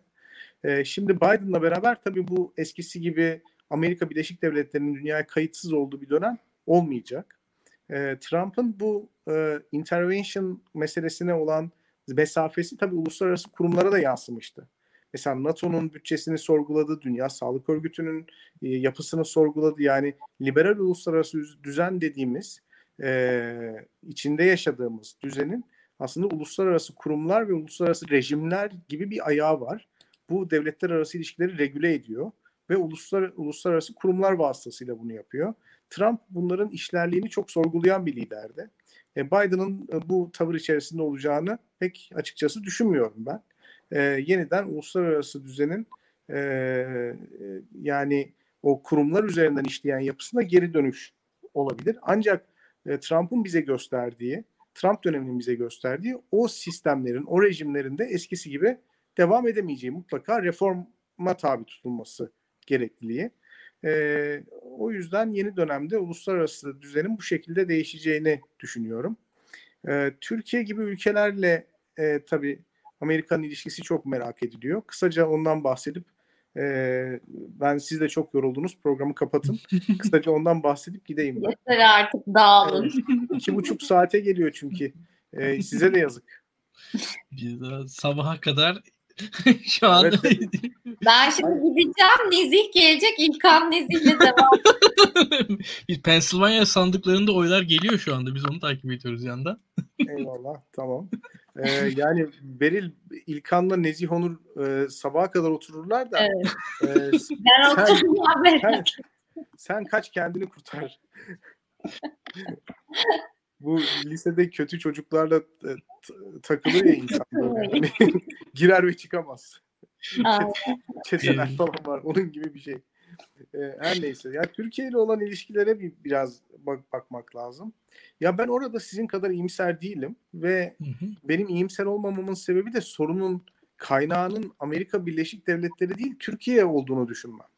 Hı E, yani ikili ilişkilerde bir sorun e, çıkmayabilir. Biden çok tecrübeli davranabilir. Fakat acaba Biden'ın tecrübeli ve sağduyulu davranması ya da onun kurumlar üzerinden ilişki kurmak istemesi gerçekten Ankara'nın istediği şey mi? Ankara demeyeyim de Beştepe'nin istediği şey mi? Ondan emin değilim. Yani sorun çıkmaz. Çünkü Amerika Birleşik Devletleri'nde sağduyu hakim olur anlayışını anlıyorum. Fakat acaba e, sorunun çıkmaması, ilişkilerin daha kurumsal ya da daha öngörülebilir ilerleyecek olması Ankara'ya uyacak bir kıyafet mi? Yani Ankara gerçekten böyle bir ilişki düzeni istiyor mu? Yani bana sorarsanız Trump'la kurulan kişiler arası ilişki e, Türkiye'deki hükümetin çok hoşuna giden, çok sürdürmek istediği ve gayet de esnek olabildiği ilişki e, türüydü. Şimdi Biden'la beraber bu tip ilişkilerin yeniden tesis edilmesi çok kolay gözükmüyor açıkçası. Yani bu tesis edilme derken ilişkinin sadece e, böyle e, yakın ilişki e, olmasından da bahsetmiyorum. Yani mesela biz Trump döneminde aslında Amerika Birleşik Devletleri ile çok e, gergin bir dönem de yaşadık Brunson meselesinde. Hı hı. Mesela o gerginlik de bence çok seviyesiz bir gerginlikti. Yani samimiyetin seviyesiz olması kadar gerginliğin de seviyesiz olması gibi bir durum var. Şimdi yani mektup yazılmıştı ama bir yandan da tercih edilendi diyorsun. Evet ama bence hani bu birbirinin ters imajı. Yani hani seviyesiz bir e, samimiyet, seviyesiz bir gerginliği beraberinde getiriyor. E, tam tersi de doğru. Ama bu Ankara'nın tercih ettiği bir ilişki türüydü. Trump'ın da tercih ettiği bir ilişki türüydü. Böylece bütün kurumları bypass edebildiler. Yani şimdi Biden'la beraber gerilmenin de o kadar e, bu kadar seviyesiz olacağı kanaatinde değilim. Yani e, böyle aniden yükselmeler, aniden tweet atıp işte bildirmeler falan olmayacaktır. Ancak bununla birlikte daha e, kurumsal tedbirlere başvurulacağı kanaatindeyim. Yani Türkiye olumsuz bir e, durum yaşarsa Amerika Birleşik Devletleri ile bu karşılıklı mektuplaşmalar, işte hakarete varan tweetler ya da mitinglerde birbirine tabirine hoş görüp posta koymak şeklinde olmayacak. Yani o eski paradigmayla düşünmeyi bırakmamız lazım. İlişkiler iyileşirse de böyle karşılıklı liderlerin birbirine jestleri işte çok severim benim tarzım adam işte benim sevdiğim liderler bunlar gibi jestlerle de olmayacak. Yani iyileşirse de kurumsal bir şekilde iyileşecek. Kötüleşirse de kurumsal bir şekilde kötüleşecek. Bu e, çok e, hızlı olmayabilir. Çok ani de olmayabilir. Ancak daha etkili, daha vurucu e, ya da daha kalıcı sonuçlar üretebilir. O yüzden Türk-Amerikan ilişkilerinde e, Sayın Erdoğan'la Sayın Trump arasındaki ilişkilerin kötü gitmesi, Türk-Amerikan ilişkilerinde geçici bir e, kış havası, toparlanabilir bir duruma işaret edebilirken, ederken e, Biden ile e, Ankara arasında, Biden yönetimiyle AK Parti hükümeti arasındaki meseleler çok daha ciddi müzakere edilip çok daha ciddi sonuçlar verebilir. Yani mesela Türkiye S-400 aldı. F-35 projesinden dışlandı. Türkiye Brunson'ı tutukladı. Brunson'ı serbest bıraktı. Yani birçok aslında kriz yaşadık. Fakat bu krizlerin hiçbir tanesi ne e, ciddi bir kötülüğe ne ciddi bir iyiliğe işaret ediyor. Yani iki lider arasında e, yaşanan bir şey var hmm. ve bu yaşanan şey her neyse iyilik veya kötülük olabilir, e, samimiyet veya gerginlik olabilir. E, bunun e, iki ülke ilişkilerini etkileyen bir tarafı yok.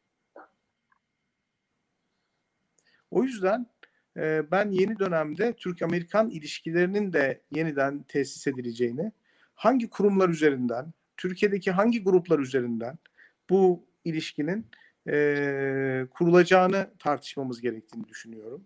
E, yani şu ana kadar Türk-Amerikan ilişkilerinde belirli gruplar, belirli bürokratik kurumlar etkin oldular belirleyici olarak. Bundan sonra Biden yönetiminin hangi gruplarla ilişki kuracağı, hangi kurumları ikili ilişkilerin e, öznesi haline getireceği çok önemli. Şüphesiz ki hepimizin aklına ordu geliyor. E, burada ordunun oynayacağı rol çok önemli çünkü ordunun oynayacağı rol Biden yönetiminin Orta Doğu'da belirleyeceği stratejik hedeflerle çok alakalı olacak. Dikkat ederseniz Türkiye'de ordu e, son 4 senedir aslında Amerika Birleşik Devletleri tarafından belirlenen stratejik hedefler çerçevesinde Türkiye e, Cumhuriyeti'ni temsilen bir görev ifa etmiyor. Bizzat Türkiye tarafından belirlenen stratejik hedefleri icra etmek için e, sahada. Dolayısıyla e, Türk-Amerikan ilişkileri açısından çok zor bir durumda kaldılar. Şimdi eğer Türkiye Cumhuriyeti Amerika Birleşik Devletleri'nin siyasi hedefleriyle uyum gösterme kararlılığı içerisinde olursa bence kaçınılmaz olarak ordunun konumu sistem içerisinde çok yükselir. Ee, Sayın Hulusi Akar çok önemli bir aktör haline gelir önümüzdeki dönemde. Çünkü sadece ülkenin güvenliği veya çıkarları için bir eylemi icra etmekte kalmaz. Aynı zamanda Türk-Amerikan ilişkilerinin de kilit anahtar kişisi haline gelir. O yüzden e, Biden eğer daha assertive dediğimiz daha iddialı bir dış politika ortaya koyarsa bu Türkiye'deki bazı kurumların da sistem içerisindeki ağırlığının e, artmasını beraberinde e, getirecektir. Böyle düşünüyorum. Peki benim e, ek bir sorum yok aslında. Epey bir insana bir soru sorduğumuz için daha fazla soru sormaya gerek yok. Şöyle söyleyeyim. Hmm, biz muhtemelen benzer bir programı yakın zamanda bir defa daha yapmak zorunda kalacağız. Ee, bu seçim sonuçları iyice belli olsun. Ee, bir tane daha program lazım bize yani en azından bir hafta belki beş gün içerisinde öyle söyleyeyim. Ee, daha başka değerlendirmeleri ben Burak Bilgen hocamızla e, off the record ortamda paylaşmak istiyorum şu anda. yapalım. yapalım. yapalım. Çok teşekkür ederim size. İyi akşamlar. Tamam. İyi akşamlar. Sana da iyi akşamlar. Herkese çok selam bebelere çok sevgiler. bay bay. Bay bay. İyi akşamlar Burak. İyi akşamlar. Peki İlkan e, son olarak bir şeyler söylemek ister misin? Ben pek konuşmadım. E, moderasyon şeyinde kaldım ama zaten çok derin bir bilgim olmadığı için konuyla ilgili derinlemesine takip etmediğim için. E, ama gerçekten benim için çok enteresandı. Bir sürü farklı e, görüş, yorum, değerlendirme. Ee, şimdi son olarak şunu söyleyelim. Bir defa çok gergin, e, çok heyecanlı bir seçim süreci yaşadık, yaşıyoruz. Yani bir defa. Yani, e, yani hakikaten seçim gibi seçim. Yani, bitmedi. Efendim? Aynen bitmedi. bitmedi. Tabii tabii bitmedi. E, yaşıyoruz dedim zaten. Yaşıyoruz yani. Daha içindeyiz bunun. E, hani seçim gibi seçim hakikaten yani. Bu bayağı geçen seçime göre falan çok daha reytingler yüksek. Çok daha üst düzey. E, bu seçimde ben mesela kendi pozisyonumu anlatmak açısından e, hani şöyle söyleyeyim iç savaş e, mesela mesela iç çatışma şeyine falan mesela şeyden daha yakınım ben. Yani onu söyleyeyim mesela Yunus Emre'den daha yakınım. Ben ben kötümserim dünya açısından şu anda. Şu süreçte olan bitenlerden kötümserim. Şu anki belirsizlik gibi belirsizliği ben yakın zamanda yaşamadığımızı düşünüyorum. Gerginlik ve belirsizlik var şu an dünyada. Nispeten birçok şey belliymiş gibi oldu ama şöyle söyleyeyim. Birkaç yargı kararı ile beraber şu yaşadığımız an inanılmaz bir belirsizliğe gebedir. Yani şu anda. Yani şu anki e, tabloyu birkaç yargı kararı, birkaç hakim kararı çok belirsiz hale getirebilir diye düşünüyorum. Evet, Hiç belli aynen. olmaz. Ve mahkemelerin yani, ne yapacağını bilmiyoruz. Çünkü e, hani kadar Amerika'da yargı bağımsız olsa da e, yani yargı bağımsız ama politize. Yani aynen yargı tarafsızlık e, konusunu Tabii. öngöremiyoruz. Onu diyecektim. Bağımsız olabilir ama tarafsız değil. Kesinlikle. Kesinlikle öyle. O yüzden hani e, şu oldu bu bitti falan dememek gerekiyor. Biz mesela bu yayını bugün yaptık daktilo olarak. E, gerçekten de bunun sebebi biraz hani biz de biliyorduk yani bu işlerin tam e, hani hakikaten hani orada kendimizi övüyorum ya gerçekten de o an konuşmanın manasız olduğunu biliyorduk açıkçası o seçim gecesinde. Şu an birazcık daha manalı şeyler hakkında konuşuyoruz. Hatta yani gerçekten de dün gece yayın yapsaydık biraz boş konuşuyor olacaktık. Şu an iyi kötü bir bilgi ve bir data üzerine konuştuk. Bu açıdan doğru oldu. Ee, süreci daha iyi takip etmemiz lazım. Burak Bilgehan'ın eleştirilerini dikkate almak gerekiyor. Söylediği sözler boş değil. Hakikaten arkasında bir e, felsefe, bir yaklaşım var, metodoloji var. E, onu onu görmek gerekiyor. E, ama bir yandan da e, hani hayatta devam ediyor diyelim. Ha şunu söyleyeyim ama Trump'ın bir seçim yenilgisi almasının dünya çapında etkileri olacaktır olur. Yani o bir e, bir seçim yenilgisi olmaz olmanın ötesine geçer. Bir trend ortaya koyabilir diye düşünüyorum. Bakalım. Ee, tekrar görüşürüz Bakalım. Tamam yine yaparız özel program. Tabii ki. Çok sağ ol. Sen de beni yalnız bırakmadın e, bütün program boyunca. E, diğer arkadaşlar da sağ olsunlar arka planda koşturdular.